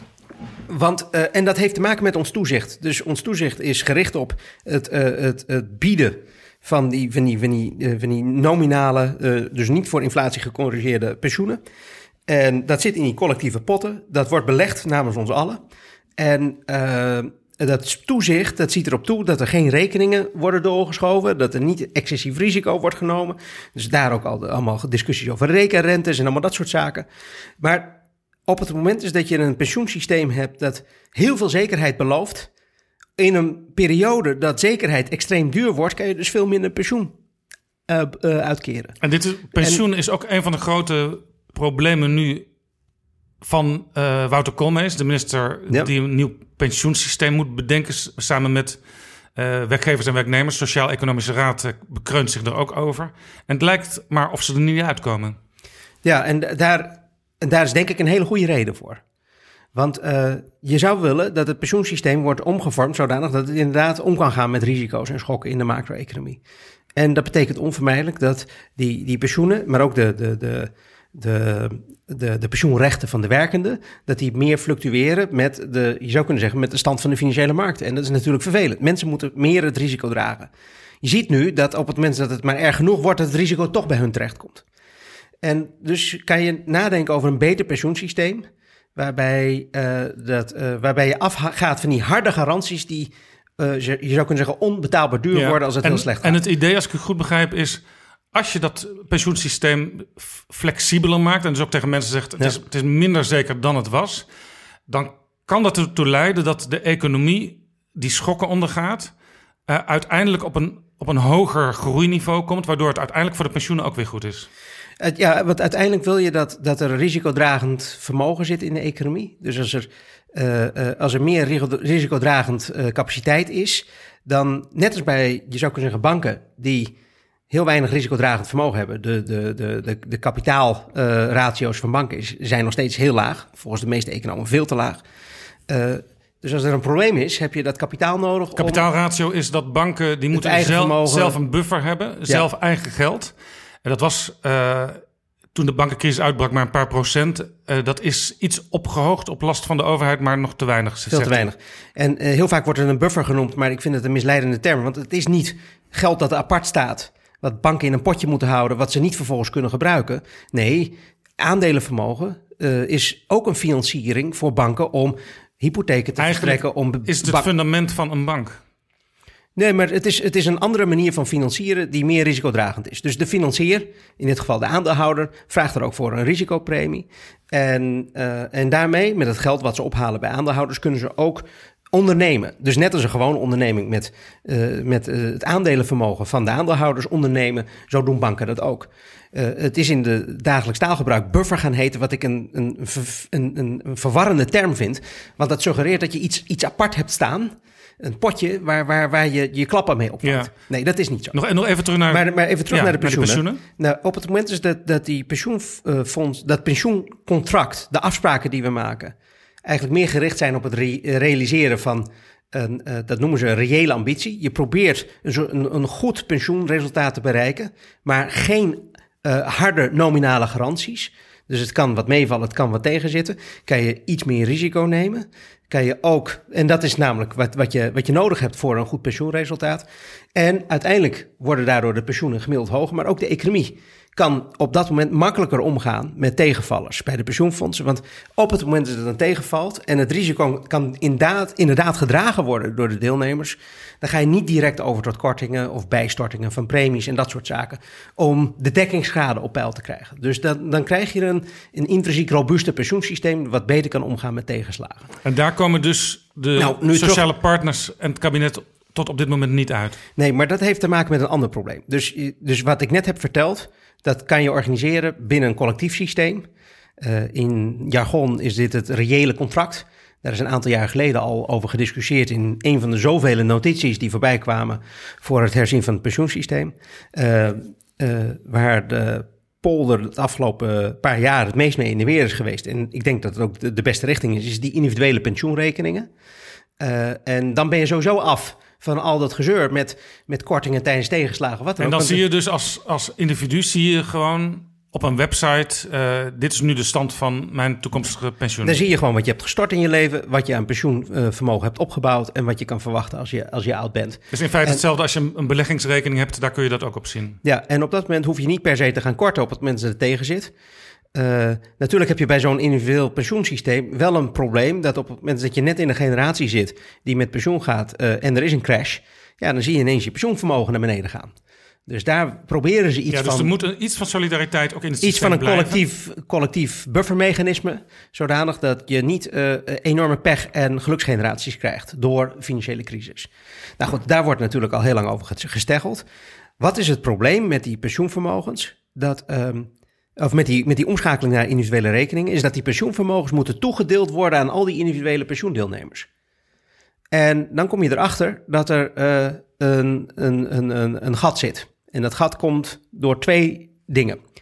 Dus dan is er uh, te weinig geld om uh, iedereen te geven waar, wat hij denkt dat hij, waar hij recht op heeft. Het eerste is dat heeft te maken met de doorsneepremie. Dat uh, iedereen betaalt hetzelfde percentage van zijn loon als pensioenpremie. Ja. Maar voor een jonger iemand, als dat bij hetzelfde loon, als dat wordt ingelegd, kan dat veel langer aangroeien om een bepaald pensioen te genereren dan voor een oud iemand. Dus het pensioenrecht wat je krijgt, uh, uh, is eigenlijk te weinig voor jongeren. Want ze krijgt hetzelfde pensioenrecht voor een inleg op jonge leeftijd als een oudere uh, voor diezelfde pensioeninleg op een laag, latere leeftijd. Terwijl de aangroeitijd heel verschillend is. Ja. En dat gaat via de wet van samengestelde interest. Dus dat is rente op rente op rente. En daardoor is een pensioenrecht voor een jong iemand eigenlijk veel te duur. Die betaalt daar veel te veel voor. Ja, heel veel jongeren nu ook zijn bang dat als zij eenmaal 68 zijn, 69, 70, dat het pensioen dan voor een groot deel al opgemaakt is door de mensen die nu oud zijn. Eh, laat me daar even. Ik probeer even uit te leggen waarom, er, eh, waarom het zo moeilijk is voor de vakbonden om akkoord te gaan met een overgang naar individuele regeling. Ja, laten we even focussen Ja. op die vakbonden, want die, die denken natuurlijk altijd heel erg aan solidariteit, maar die willen natuurlijk ook wel hogere opbrengst. Zeker. Maar dus, dus er zitten eigenlijk twee ongedekte rekeningen in het huidige systeem. De eerste is dus als je van dat systeem van die doorsneepremie af wil, dan ontdek je dat de subsidie van jong naar oud in één keer ertussen uitvalt als je dat doet.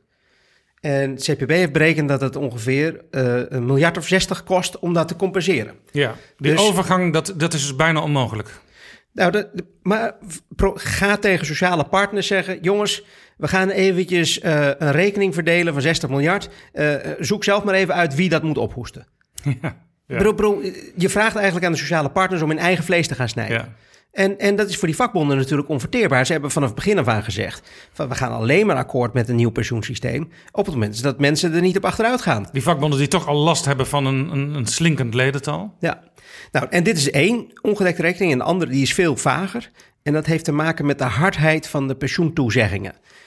Kijk, in het huidige pensioensysteem is het natuurlijk zo dat, dat mensen wordt een, een belofte gedaan op een, eh, eh, op een nominaal, dat wil zeggen niet voor inflatie geïndexeerd pensioen. En eh, als het goed genoeg gaat met het pensioenfonds, krijg je een indexatie erbij. En de, de, de ambitie is natuurlijk om mensen ieder jaar voor de inflatie te compenseren. Nou, als je Stel dat dat de, een, een harde belofte zou zijn. Ja. Stel dat eh, ieder jaar in compenseren voor inflatie een harde belofte is. Dan heb je een dekkingsgraad nodig van om en nabij de 140 procent.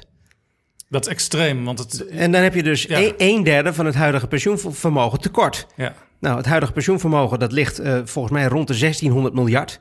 Nou, dan heb je het over 500 miljard euro of iets van die en de orde van normale dekkingsgraad waar vanuit wordt gaan ligt iets boven de, boven de 100 procent. Nou, gewoon, gewoon de, de, de, dus de minimumdekkingsgraad is 105. Ja. En voor pensioenfondsen om eh, zeg maar altijd in te kunnen indexeren, heb je een dekkingsgraad van 140 ongeveer nodig. Dus dan heb je honderden miljarden tekort om die belofte waar te kunnen maken. Nou, nu hebben we gepensioneerden inmiddels wel ontdekt dat die belofte niet hard is. Dus dat je ieder jaar gecompenseerd wordt voor de inflatie is niet hard. Er werd in de Tweede Kamer deze week ook geklaagd. Eh, ja, ik krijg hier een brief van eh, mevrouw Cornelis, dat zij Toenahan Kuzu van Denk. En zij schrijft mij dat ze al een aantal jaren op een rij... eh, dat die, haar pensioen 0% omhoog gaat. En vervolgens moest de minister-president daar ook weer uitgebreid op reageren. Je, kan, je kunt natuurlijk niet op een individueel probleem reageren. Maar dus mensen zien... hey, er is iets met mijn pensioen, eh, het groeit niet aan... terwijl dingen natuurlijk wel duurder worden. Ja, en dit was toch ook, denk ik, waar veel mensen wel op gerekend hadden. Dus mensen hadden niet gerekend op een, een nominaal pensioen dat nooit meer wordt ge- gecompenseerd voor inflatie. Dus tussen het ene uiterste, een nominaal pensioen, nooit meer gecompenseerd voor inflatie, daarvoor heb je een dekkingsgraad van 100 nodig. Een eh, pensioen dat altijd ge- geïndexeerd wordt voor inflatie ergens rond de 140. Nou, de werkelijkheid, wat de hardheid van die pensioenen is, zit ergens daartussenin. Nou, dat kan zomaar om, om een paar honderd miljard euro gaan. Wil je mensen voldoende geld meegeven bij de omschakeling naar een individueel systeem, dat ze eh, een, zekere mate van indexatie krijgen? Maar als je dus voor de omschakeling naar een nieuw systeem, wat we eigenlijk nodig hebben om heel veel redenen, als je daar eh, heel veel miljarden voor nodig hebt die er op dit moment niet zijn. Ja, dan moet je niet raar opkijken dat ze er dus niet uitkomen. Maar dan komen ze dus nooit uit. Ja, maar dit is dus, dus, dus, dus dit vind ik dus heel logisch.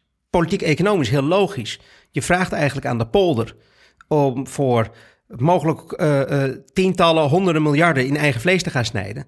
Ja, dat, dat gaat niemand doen. Maar als de polder het niet doet, onder leiding van Mariette Hamer in de Sociaal-Economische Raad, dan moet dus op een gegeven moment minister Koolmees van Sociale Zaken, die over de pensioenen gaat, uh, zelf een plan maken en dat zelf met de Tweede Kamer gaan bespreken. Ja, nou nu, nu kan je creatief proberen na te denken over wat voor soort overgang heb je nodig om dan naar een individueel systeem te gaan. En ik denk dat het uh, tot op zekere hoogte onvermijdelijk is dat de overheid helpt om die overgang te kunnen maken. Bijvoorbeeld door het geld voor te schieten en dat dan later via misschien wat hogere belasting op pensioenen of wat dan ook weer terug te halen. Maar in ieder geval dat ze die transitie kan maken. Nu is het onmogelijk voor, denk ik, de sociale partners om de transitie te kunnen maken. Dus mijn, en je zag ook, dat, dat vond ik echt wel opvallend in de miljoenennota, uh, in de troonrede van Willem-Alexander, ja. dat, dat hij eigenlijk volgens mij een zin voorlas die aankondigde dat we misschien wel naar een, uh, een, een, collectief systeem gaan. En dat het, uh, dat, het, dat het idee van de individuele pensioenrekeningen, dat dat uh, misschien wel ingetrokken wordt. En dus ik vond het zo cryptisch het wat daar stond. Het pensioenstelsel maakt collectieve verwachtingen van mensen steeds minder waar, zegt Willem-Alexander. De regering wil samen met sociale partners werken aan een pensioenstelsel dat deze kwetsbaarheden, die u dus zojuist ook opnoemde, niet kent.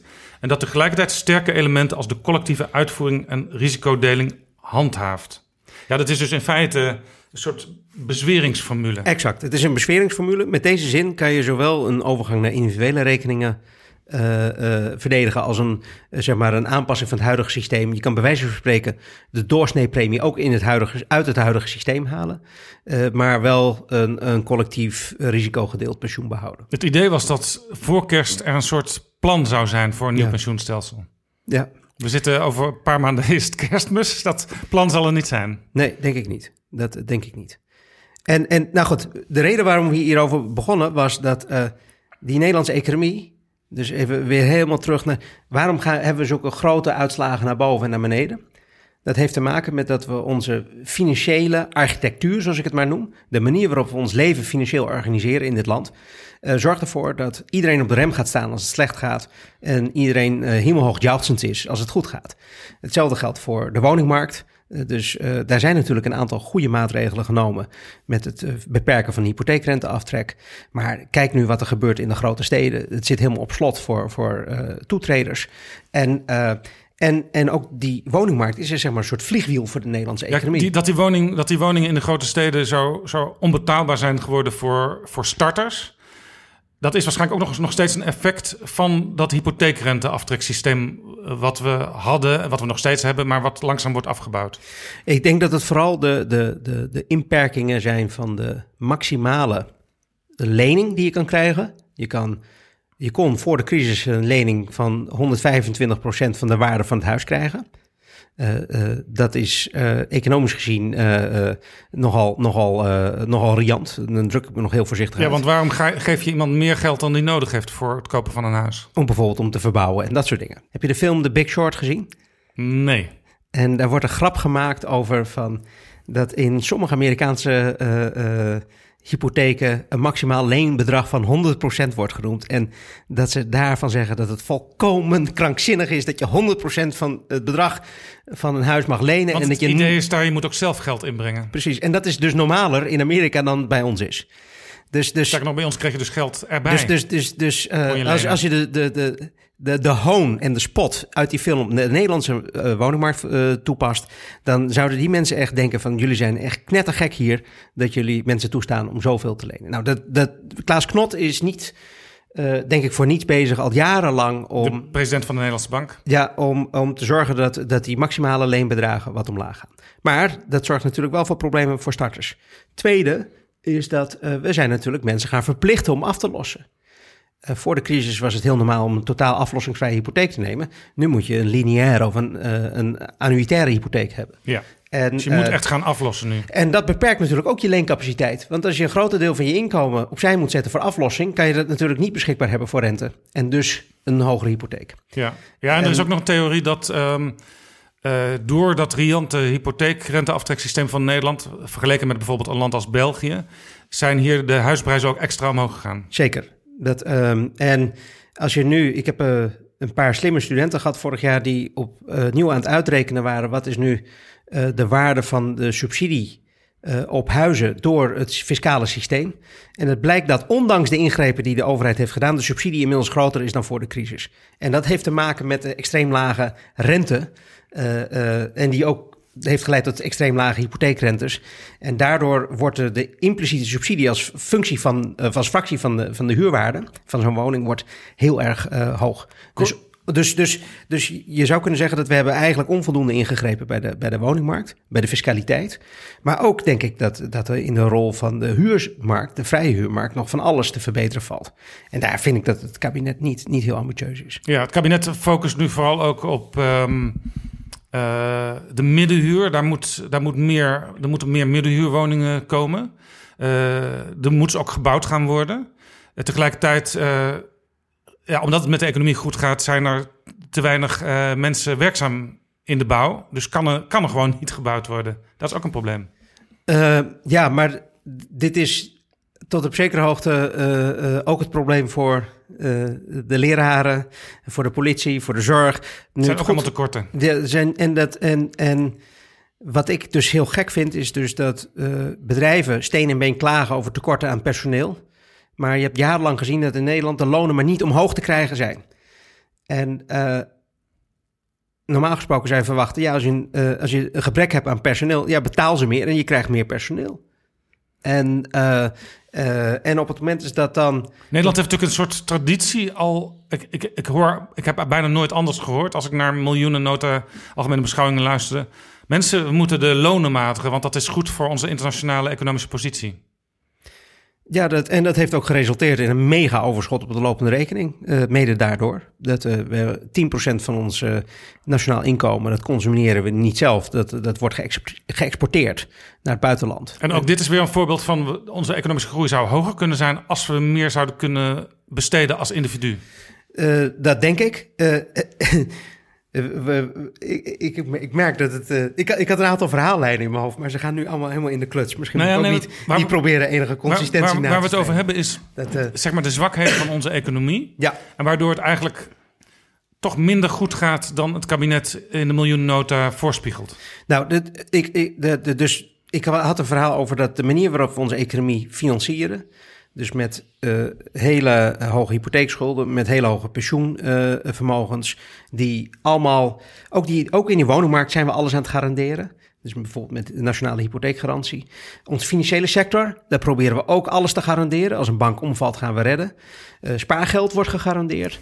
Dus wij, wij zorgen ervoor dat, dat er heel weinig, je zou kunnen zeggen, risicodragend vermogen zit in onze economie. Dus als het slecht gaat, is dat in één keer weg.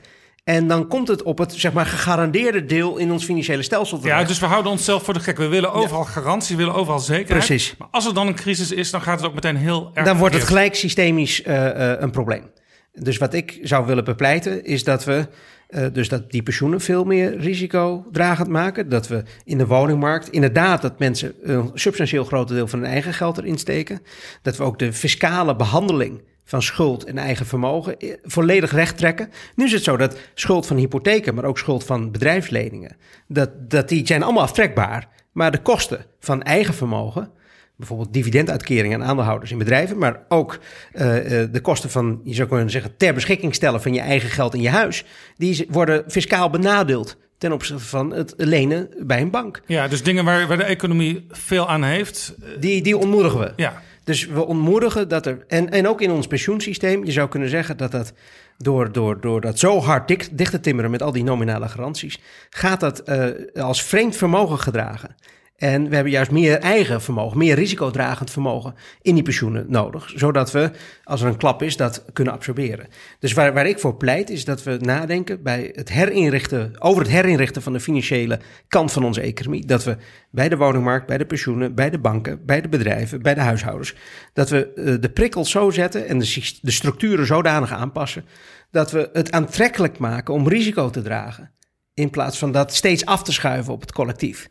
Uh, want als we het af proberen te schuiven op de collectief, bij, via alle garanties en via alle fiscale faciliteiten, dan komt het als een boemerang weer bij ons. En dat leidt tot die lange balansen, dat leidt tot die hefbomen in de economie, waardoor als het goed gaat, gaat het hemelhoog En als het slecht gaat, gaat het zo'n totem betrupt. Nou is het probleem, als je meer dynamiek in het systeem wil, uh, dan heb je aan de ene kant heb je uh, de vakbonden over die pensioenen, de ouderen over die pensioenen. Uh, maar ook politieke partijen in de Tweede Kamer die natuurlijk tegen hun achterban moeten zeggen dat er toch weer wat, wat extra risico genomen moet worden. En ja, die politieke partijen die willen ook graag zekerheid bieden aan de kiezers. Maar het is een vorm van jezelf voor de gek houden. Want net, eh, we vinden het heel normaal dat in de arbeidsmarkt bijvoorbeeld de kans bestaat dat mensen hun baan verliezen. En we vinden het heel normaal dat er om schokken in de economie op te vangen, dat er flexibele arbeid is. Of ZZP'ers die die schokken opvangen. Maar we vinden het blijkbaar volstrekt abnormaal dat als er financiële risico's zijn, dat die op een of andere manier gedragen worden door een partij.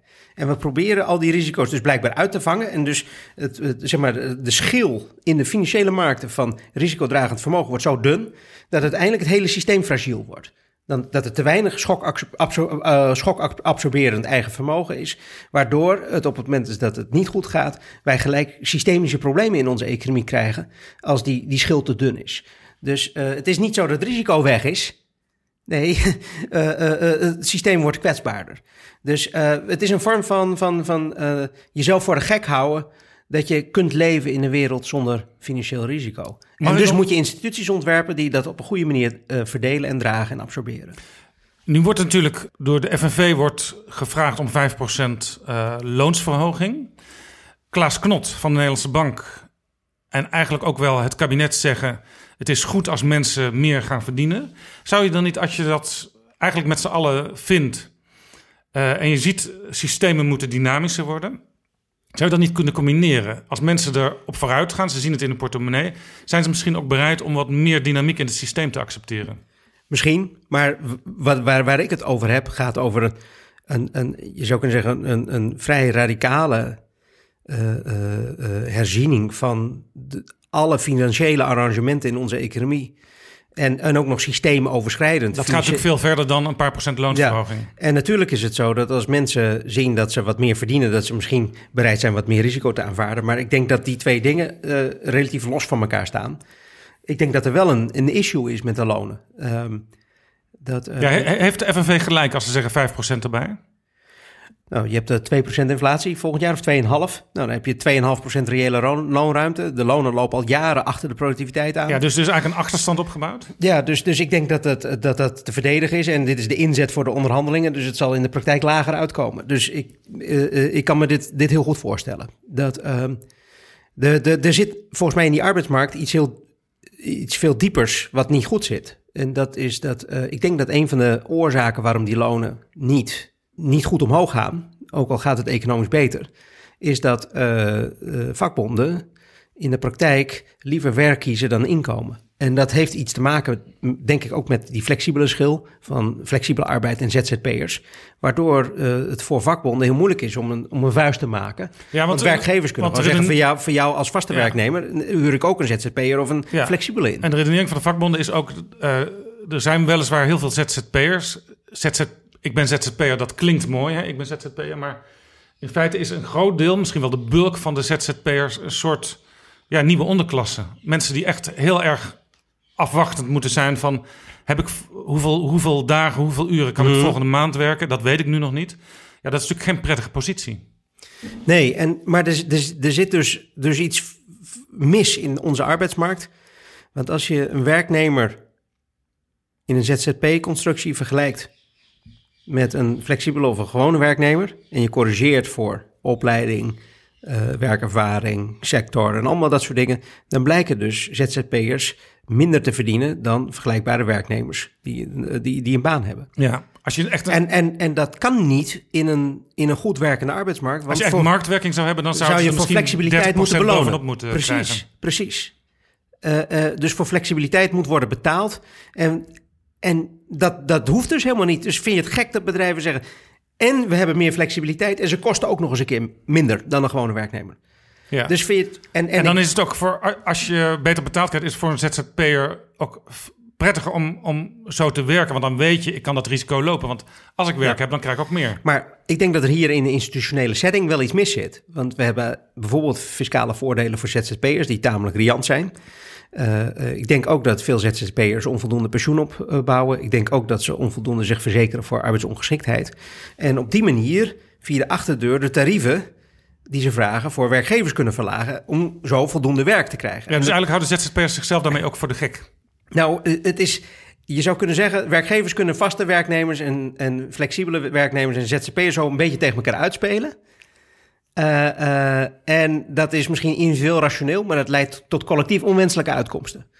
En wat ik zou willen is dat, dat we serieus nadenken over hoe kunnen we nou die arbeidsmarkt zo organiseren dat de contractvormen van vast, flexibel en ZZP, dat die in ieder geval niet door het overheidsbeleid zo erg gestuurd worden.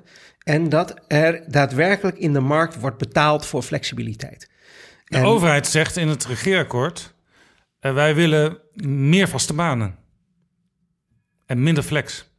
Ja, nou, ik denk dat je nu een stijging van het aandeel vaste banen ziet nadat het echt, echt gillend omlaag was gelopen in, in, in de crisisjaren. Daar zag je gewoon echt dat, ik geloof dat er een half miljoen vaste banen is verdwenen in de crisisjaren. Ehm, dat het nu weer wat aantrekt nu het beter gaat met de economie. Dit is een vorm van verkapte loonsverhoging, denk ik. Of eh, eh, eh, secundaire arbeidsvoorwaarden. Ehm, maar de structurele verschillen tussen, tussen die verschillende soorten werknemers, die, die zijn natuurlijk nog steeds heel groot. De regering doet wel een aantal dingen volgens mij in het ontslagrecht. Ze probeert de problematiek rond eh, schijnzelfstandigheid. Dan hadden we eerst de VAR, toen de DBA. Nou, dat moeten ze ook nog oplossen. De vraag is of dat lukt. Ze heeft, eh, de regering heeft een aantal, aantal eh, ideeën over een minimumtarief voor ZZP'ers. Waarvan ik een beetje sceptisch ben of dat gaat werken. Maar goed, ik denk dat er een hele fundamentele discussie moet komen over hoe gaan we om met fiscale faciliteiten en ZZP'ers, pensioenen en arbeidsongeschiktheidsregelingen. en moet je als overheid eh, zo, zo sterk sturen, zodanig dat uiteindelijk het zo, zo is dat in de markt minder betaald wordt voor een ZZP'er dan voor de gewone werknemers. En ik denk dat zowel gewone als eh, ZZP-werk, eh, gewone werknemers als ZZP'ers hier beide nadeel van ondervinden. Dus je, je zou bijvoorbeeld kunnen nadenken over een maatregel als nou, misschien moet je je fiscale faciliteiten niet in de vorm van een lager uurtarief eh, eh, eh, aanbieden aan een, aan een potentiële werkgever, maar alleen maar inzetten voor pensioen of arbeidsongeschiktheid. En anders krijg je die voordelen niet. En, dat, en dan, dan denk ik dat, dat die oneigenlijke concurrentie op die uurtarieven, dat dat, dat, dat een stuk minder wordt. Ja, kortom, even samenvattend. Er zijn heel veel eigenlijk oude argumenten in ons economisch systeem waar hard nodig iets aan moet gebeuren. Alleen, ja, er zijn heel veel belangen, eh, vakbonden, werkgevers, politieke partijen die toch eh, vooral zekerheid willen bieden aan hun achterbannen, waardoor het heel moeilijk is om de stap naar vernieuwing te zetten. Dit kabinet, als je kijkt ook naar het regeerakkoord en, en ook naar de miljoenennota, die wil, zou heel veel willen, maar je ziet nog heel weinig concrete plannen. Zo, zo vat ik het goed samen, denk ik. Ja, eh, als, je, als mij één ding opvalt aan deze miljoenennota, is eigenlijk gewoon het gebrek aan hervormingselan. Dat eh, dus op al die grote dossiers, we hebben de, de, de, de, de arbeidsmarkt nu gehad, we hebben het over de pensioenen gehad, de woningmarkt. Voor mij het vergeten dossier is de financiële inrichting van ons land. Daar komen een aantal van die dingen ook in terug. Eh, belastingstelsel zou voor mij fundamenteel herzien moeten worden. Als je kijkt naar het volgend jaar, zijn grootste plannen eh, liggen op het belastingdossier. Ik heb daar nauwelijks iets over gehoord, overigens, in de, de algemene politieke beschouwingen. Daar ging het over allerlei dingen, behalve de belastingplannen van het kabinet. Eh, dus eh, duurzaamheid en klimaat. Ehm, daar is overigens wel iets meer over gezegd. Daar, daar denk ik dat de ambities niet ver genoeg reiken. Ja, de klimaattransitie. Of de ambities die- zijn wel gro- Ja, groot, die- maar de plannen enorm, reiken niet ver want genoeg. Parijs moet, moet gehaald Ja. worden, hoor je steeds. Eh, dus dat gaat ook eh, iedereen heel veel kosten. Mensen zijn er ook best wel bang voor. Alleen dat zie je eigenlijk in de, in de begroting nog helemaal niet terug. Want dat is iets wat de komende jaren waarschijnlijk Ja, en, zichtbaar en, en, wordt. en, en er stond een prachtige grafiek in de miljoenennota. Eh, Ik, ik weet niet of je hem toevallig... Er was zo'n plaatje met een cirkel en de, de, de, de grote hervormingsdossiers. En, En ja, dat, dat plaatje vond ik brevet van onvermogen. Dat, er is veel te weinig hervormingselan. En uh, de bro, ik heb veel kritiek gehad op het bezuinigingsbeleid van Rutte 2. Maar ze hebben wel een aantal hele fundamentele hervormingen doorgezet. Bijvoorbeeld in de langdurige zorg, uh, bij de hypotheekrenteaftrek, bij de pensioenleeftijd. Dat hervormingselan, dat heeft deze regering niet. Nee, terwijl een partij als de VVD, maar zeker ook een partij als D66 klopt zich altijd op de borst van wij zijn hervormingspartij. Uh, maar zo'n Wouter Koolmees, die nu een aantal van die dingen zou moeten gaan doen, ja, die zit in feite nog steeds met lege handen. Ja, hij heeft twee belangrijke dossiers: pensioenen en de arbeidsmarkt. En nou ja, dat, uh, dat is een uh, enorme, een enorme klus. En ik weet niet of het hem gaat lukken. Want ja. er, zitten, er zitten zulke zeg maar, conservatieve krachten in ons politiek bestuurlijk bestel. Dat ik moet nog zien hoeveel die daarvan terecht gaat brengen. Dat. En, en dus, maar het heeft ook iets te maken met een soort, soort gevoel van urgentie. Een gevoel van urgentie dat we een aantal grote vraagstukken hebben. En dat, dat gevoel van urgentie wordt totaal ondermijnd door uh, al die Hosanna-verhalen. En dat het allemaal zo geweldig gaat. En dat, het, uh, uh, dat we, dat we zo, zoveel jaar weer uit de crisis zijn en bla bla bla bla bla. En, en dat, vind ik, dat vind ik echt teleurstellend. Mag ik nog even iets anders aansnijden? Het hangt er wel mee samen. Uh, in de algemene politieke beschouwingen hoorde je ook vanuit de oppositie. Er moet toch meer in publieke diensten geïnvesteerd worden. En dan zegt de minister-president: zegt, Wij doen er de komende tijd uh, 6 miljard bovenop. Sterker nog, we doen er 8 miljard bovenop. Want dat heeft NRC, die heeft zo'n rubriekje van wat is waar, wat is niet waar. Die hebben uitgerekend dat het zelfs richting de 8 miljard extra bovenop wat er al bij bestaand beleid was. Dus met andere woorden, eh, het kabinet zegt wij doen al heel veel extra aan publieke investeringen. Wordt er genoeg geïnvesteerd? Oké, okay, ik denk dat, er, uh, dat het belangrijk is om een onderscheid te maken tussen wat politici investeringen noemen en wat economen investeringen noemen. Heel graag. Uh, politici die noemen iedere uitgave investering en zo kijken economen er niet naar. Uh, als je mij vraagt als econoom wordt er voldoende geïnvesteerd, is mijn antwoord nee. Maar, want, want een econoom kijkt naar wat uh, iets toevoegt aan de, bedoel, Je geeft er nu geld aan uit en er komt in de toekomst uh, iets voor terug. En het is niet als je er nu geld aan geeft uh, en dan is het weg. Dus ehm, salarissen voor, voor ambtenaren bijvoorbeeld zijn geen investeringen. ik denk investeringen in onderwijs. we zien de rendementen op onderwijsinvesteringen al sinds de jaren 80 heel hard toenemen. Terwijl de rentes voor de overheidsschulden in een, in een noodtempo gedaald zijn. Uh, uh, heel grof gezegd zou je kunnen, uh, hard kunnen maken dat een euro geïnvesteerd in onderwijs nu een procentje of acht oplevert. Terwijl een euro besteed aan het aflossen van de staatsschuld op tienjarige lening een half procent oplevert. Dus als je puur economisch. En natuurlijk zijn staatsleningen en investeringen in onderwijs niet even riskant. Uh, ze hebben niet dezelfde liquiditeit, dus je moet er een risicopremie op zetten. Maar er zit zo'n gapend gat nu tussen de rendementen op overheidsinvesteringen in onderwijs en het aflossen van de staatsschuld, dat het rationeel, economisch rationeel is om nu meer in onderwijs te investeren. Ja, dus de overheid kan meer uitgeven als het maar gericht gebeurt. Ja, en ik denk ook dat het geldt voor onderzoek en speur- en ontwikkelingswerk. Ik denk dat ook dat het geldt als er nog knelpunten zijn in de infrastructuur. En ik denk dat het zeker geldt voor het uh, verduurzamen van de economie en het zorgen dat we die klimaatdoelstellingen halen. Want daar zijn de rapporten en de geluiden steeds alarmistischer dat we echt alle zeilen bij moeten zetten om te voorkomen dat we inderdaad ja. die, uh, die, die, die, die twee graden uh, niet, niet doorschieten. En die investeringen dat, zijn ook nodig vanwege de terugval in de crisisperiode. Dus we hebben, we hebben achterstanden.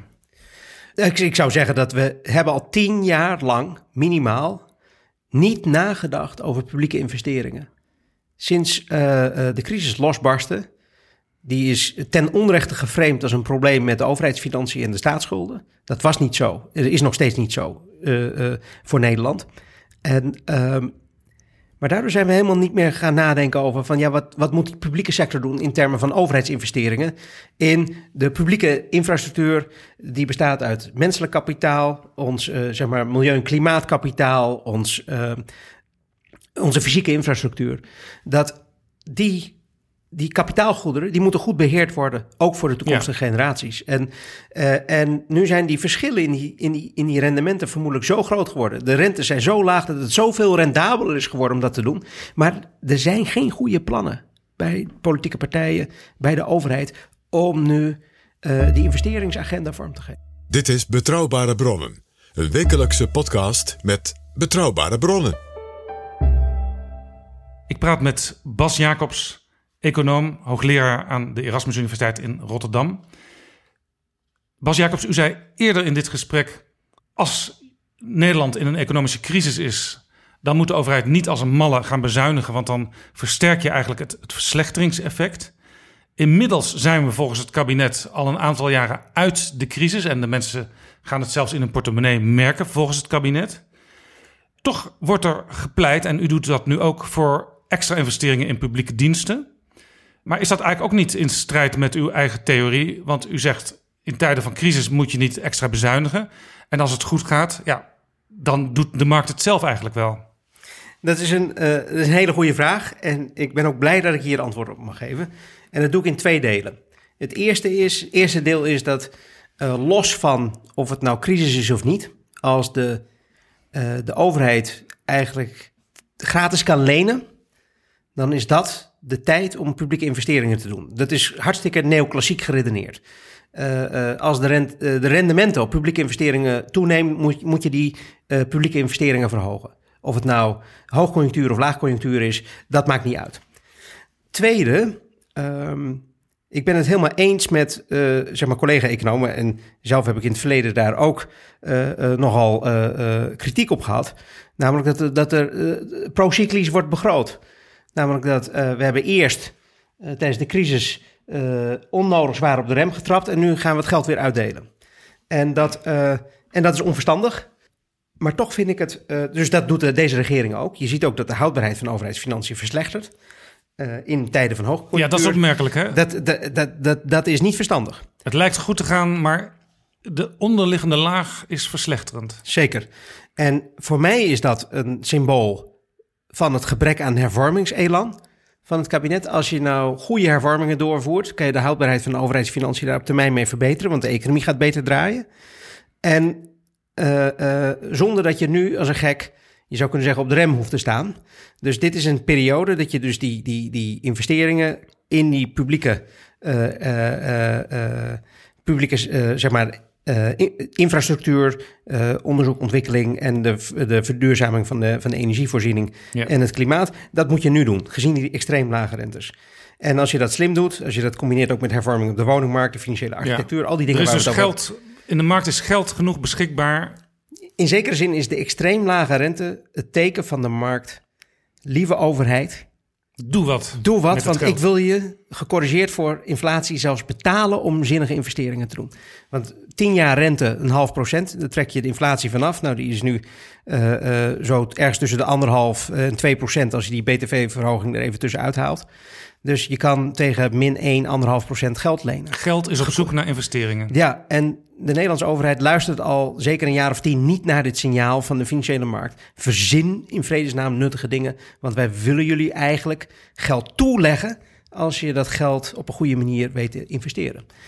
Uh, en dit zijn echte investeringen, dus dit zijn niet uh, de, de consumptieve overheidsuitgaven. Een derde, derde punt wat ik nog wil maken is dat, eh, ondanks dat het procyclisch is, en ondanks dat het houdbaarheidstekort verslechtert, wat ik niet goed vind, en dat vind ik een gebrek uh, door, door het gebrek aan hervormingen, uh, neem ik het kabinet het niet al te kwalijk dat, dat er nu toch wat te veel geld wordt uitgegeven. En dat heeft te maken met de macro-economische omstandigheden. De rentes van de centrale banken die staan nog steeds op nul. Ik denk dat de rentes waarbij de economie in evenwicht uh, is, negatief zijn. En dat betekent dat de economie zich niet normaal, normaal meer kan herstellen. Want wat gebeurt er in een normale recessie? Dan gaan de centrale banken de rentes verlagen. Daarmee stimuleer je de consumptie. Ja, en nu valt er niks meer te verlagen. Nu valt er niks meer te verlagen. En zelfs in een conjunctureel neutrale situatie, we zitten nu net erboven in Europa, uh, uh, staan de rentes nog op nul en wordt er nog QE gedaan. Dus dat betekent dat de rentes waarbij de economie gecorrigeerd, de reële rentes gecorrigeerd voor inflatie, waarbij de economie in evenwicht is, onder nul zitten. En dat betekent gewoon dat de centrale banken bij de eerstvolgende recessie waarschijnlijk volledig met lege handen staan. En dat moment kan wel eens eerder zijn dan we denken. Want in alle groeiramingen zie je dat het omlaag gaat. Je ziet dat door Trump, door Brexit, uh, misschien Italië, misschien China, er een aantal risico's is. En op het moment dat de conjunctuur zou omslaan volgend jaar, dan is het misschien een geluk bij een ongeluk dat we te ruim begroten. Dus ik, heb, ik, heb, uh, ik reken eh, eh, de regering het niet te zwaar aan dat ze nu eigenlijk eh, niet helemaal verstandig begrotingsbeleid voeren, omdat de risico's asymmetrisch zijn. Asymmetrisch, want als het goed gaat, ja, dan hebben we misschien net wat te veel inflatie, loonstijging. En eigenlijk is dat best wat we kunnen gebruiken. Als het slecht gaat, onverhoopt, ja, dan staan we met, met lege handen met het monetair beleid. En dan is begrotingsbeleid het enige instrument wat we nog hebben. En dan is het misschien maar beter dat het wat ruim is. De opvolger van Mario Draghi, want er komt volgend jaar Ja. een nieuwe bankpresident in Europa. eh, die kan wel eens heel snel met lege handen staan. Ja, maar dat staat hier eigenlijk nu al. Dat, eh, ik ben, overigens hier ben ik het met de Nederlandse bank eens, nogal sceptisch over het effect van QE. Quantitative easing. Ja, dus het opkoopprogramma van die obligaties. Ik denk dat het enige... Wat door de zuidelijke landen altijd heel erg toegejuicht wordt in Europa. Ja, en wat zeer bekritiseerd wordt door de noordelijke landen. Draghi, die zag ik eh, in een zeer gênante bijeenkomst in de Tweede Kamer met pek en veren eh, eh, behandeld worden. En door onze parlementariërs, dat vond ik, vond ik niet om aan te zien. Maar goed. Maar goed, hij is wel verantwoordelijk voor dat beleid. En ik denk dat het wel iets heeft gedaan, maar niet heel veel. En, dat, en ik denk dat Het wordt begrotingsbeleid... nu ook langzaam afgebouwd, hè, dat beleid. Ja, het tempo van opkopen is verlaagd. Dus we gaan nog tot het eind van dit jaar door. En daarna wordt ook het opkoopprogramma gestopt. Maar de rente staan nog steeds op nul. En dat blijven ze volgens mij in de aankondiging van de ECB... zeker tot september 2019 staan. Dus, dus eh, het monetair beleid blijft nog steeds zeer ruim. En, ehm, en ja, ik denk dat begrotingsbeleid het enige instrument is... waarmee je echt met een tegenslag kan omgaan. En we moeten serieus nadenken over hoe we met die begrotingsregels omgaan in Europa. Want nu zitten al die overheden eh, in, zeg maar, zo'n soort corset met die begrotingsregels. En als het nou zometeen weer mis mocht gaan, dan kunnen ze begrotingstechnisch niks doen. Maar eh, de ECB kan ook niks doen. En dan is het weer lijden in last. Dus er moet een serieus macro-economisch debat gevoerd worden over hoe we omgaan met het monetaire en het begrotingsbeleid. Maar dat, ook daarover hoor ik helemaal niks. In, in, eh, Nee, Jeroen Dijsselbloem die zei, in de politieke arena. die zei in, in aflevering 2 van Betrouwbare Bronnen... eh, want ik legde hem dit ook voor, hè, ehm, dat, dat, dat strenge begrotingsbeleid. Eh, en zou je niet, in, zeker als Nederland, op sommige momenten eh, de tekorten wat kunnen op, oplopen, omdat je daar dan wat eh, dingen mee kunt doen die goed zijn voor de economie op dat moment. Hij zei ja, maar er is ook een soort psychologie in de economie en vooral ook onder burgers. Als er sprake is van crisis, dan begrijpen mensen ook wel dat je de broekriem moet aanhalen. Ja, maar ik vind niet dat politici dit soort volkomen misleidende psychologische inzichten eh, of opvattingen moeten voeden. Want het is, het is economische onzin. Eh, wat eh, individueel rationeel is, namelijk op het moment dat je minder geld hebt, de tering naar de nering zetten, het huishoudboekje op orde, leidt tot collectieve waanzin op het moment dat iedereen het tegelijkertijd gaat doen. En dat hebben we in Nederland gezien met de grote recessie. Niet alleen huishoudens moesten hun hypotheken aflossen en bedrijven hun bedrijfsleningen. Pensioenfondsen gingen korten, banken gingen de kredietverlening inkrimpen. En tot overmaat van ramp vond de overheid het ook nog nodig, geheel ten onrechte, om een megapakket aan lastenverzwaringen en bezuinigingen door te voeren. Dus dat beeld van eh, wat ministers van Financiën wel eens zeggen tegen de mensen thuis: van ja, u begrijpt zelf ook wel dat uw huishoudboekje moet in, op orde zijn. Dat geldt voor de overheid ook. Dat klopt niet. Nee, en, en dat staat nu zelfs in de miljoenennota. ja, op pagina 25 Ja. staat de begroting is geen huishoudboekje. Dat viel mij ook op. Dus Ik ben blijkbaar daar zijn ze zeer van, blij mee. van hun dwalingen aan het terugkeren. Ja, maar eh, het is dit inzicht. Ik, echt, ik vond het fantastisch dat het, ik heb eh, ooit een keer bij, bij eh, Matthijs van Nieuwkerk eh, eh, gezegd dat het, er een woord is dat moet verdwijnen uit het politieke jargon. En dat is Huishoudboekje.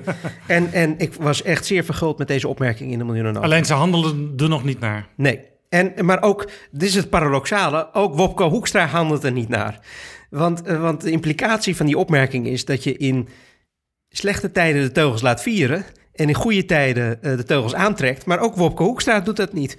Dus ik was wel blij dat het inzicht was doorgedrongen... maar de politieke daden pasten niet met het inzicht. En dit was eigenlijk ook wel een paradox... toen eh, Hoekstra de, de miljoenennota presenteerde in de Tweede Kamer eh, dinsdag... dat... hij probeert een heel, heel, heel sterk beeld te schetsen van een pru- prudente minister van Financiën. We hebben begrotingsoverschotten, de staatsschuld daalt, maar onderliggend verslechtert gewoon de houdbaarheid van de overheidsfinanciën. Dus zo prudent is het nou ook weer niet. Bas Jacobs, hartelijk dank voor dit gesprek. Eh, mijn inzicht is weer veel verder verdiept. We gaan het binnenkort nog een keer hebben over de belastingplannen van het kabinet. Een heel dik pak papier.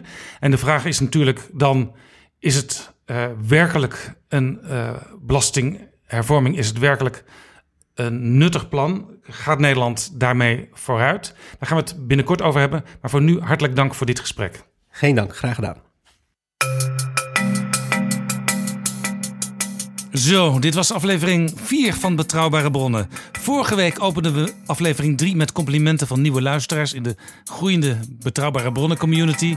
PG en ik vonden dat leuk, maar sommige van jullie ergerden zich aan deze felicitaties. Begin nou maar gewoon met die gesprekken, hoorden we. Nou, dat hebben we dus deze keer ook gedaan. Maar toch willen we wel graag horen wat je ervan vindt. Dat kan op Twitter bij apenstaart Jaap Jansen en apenstaart PG Kroeger. En vanaf nu kun je ons ook mailen, want niet iedereen heeft Twitter, hebben we gemerkt. Het mailadres is betrouwbare bronnen apenstaartdagennacht.nl. Ik herhaal betrouwbare bronnen apenstaartdagennacht.nl.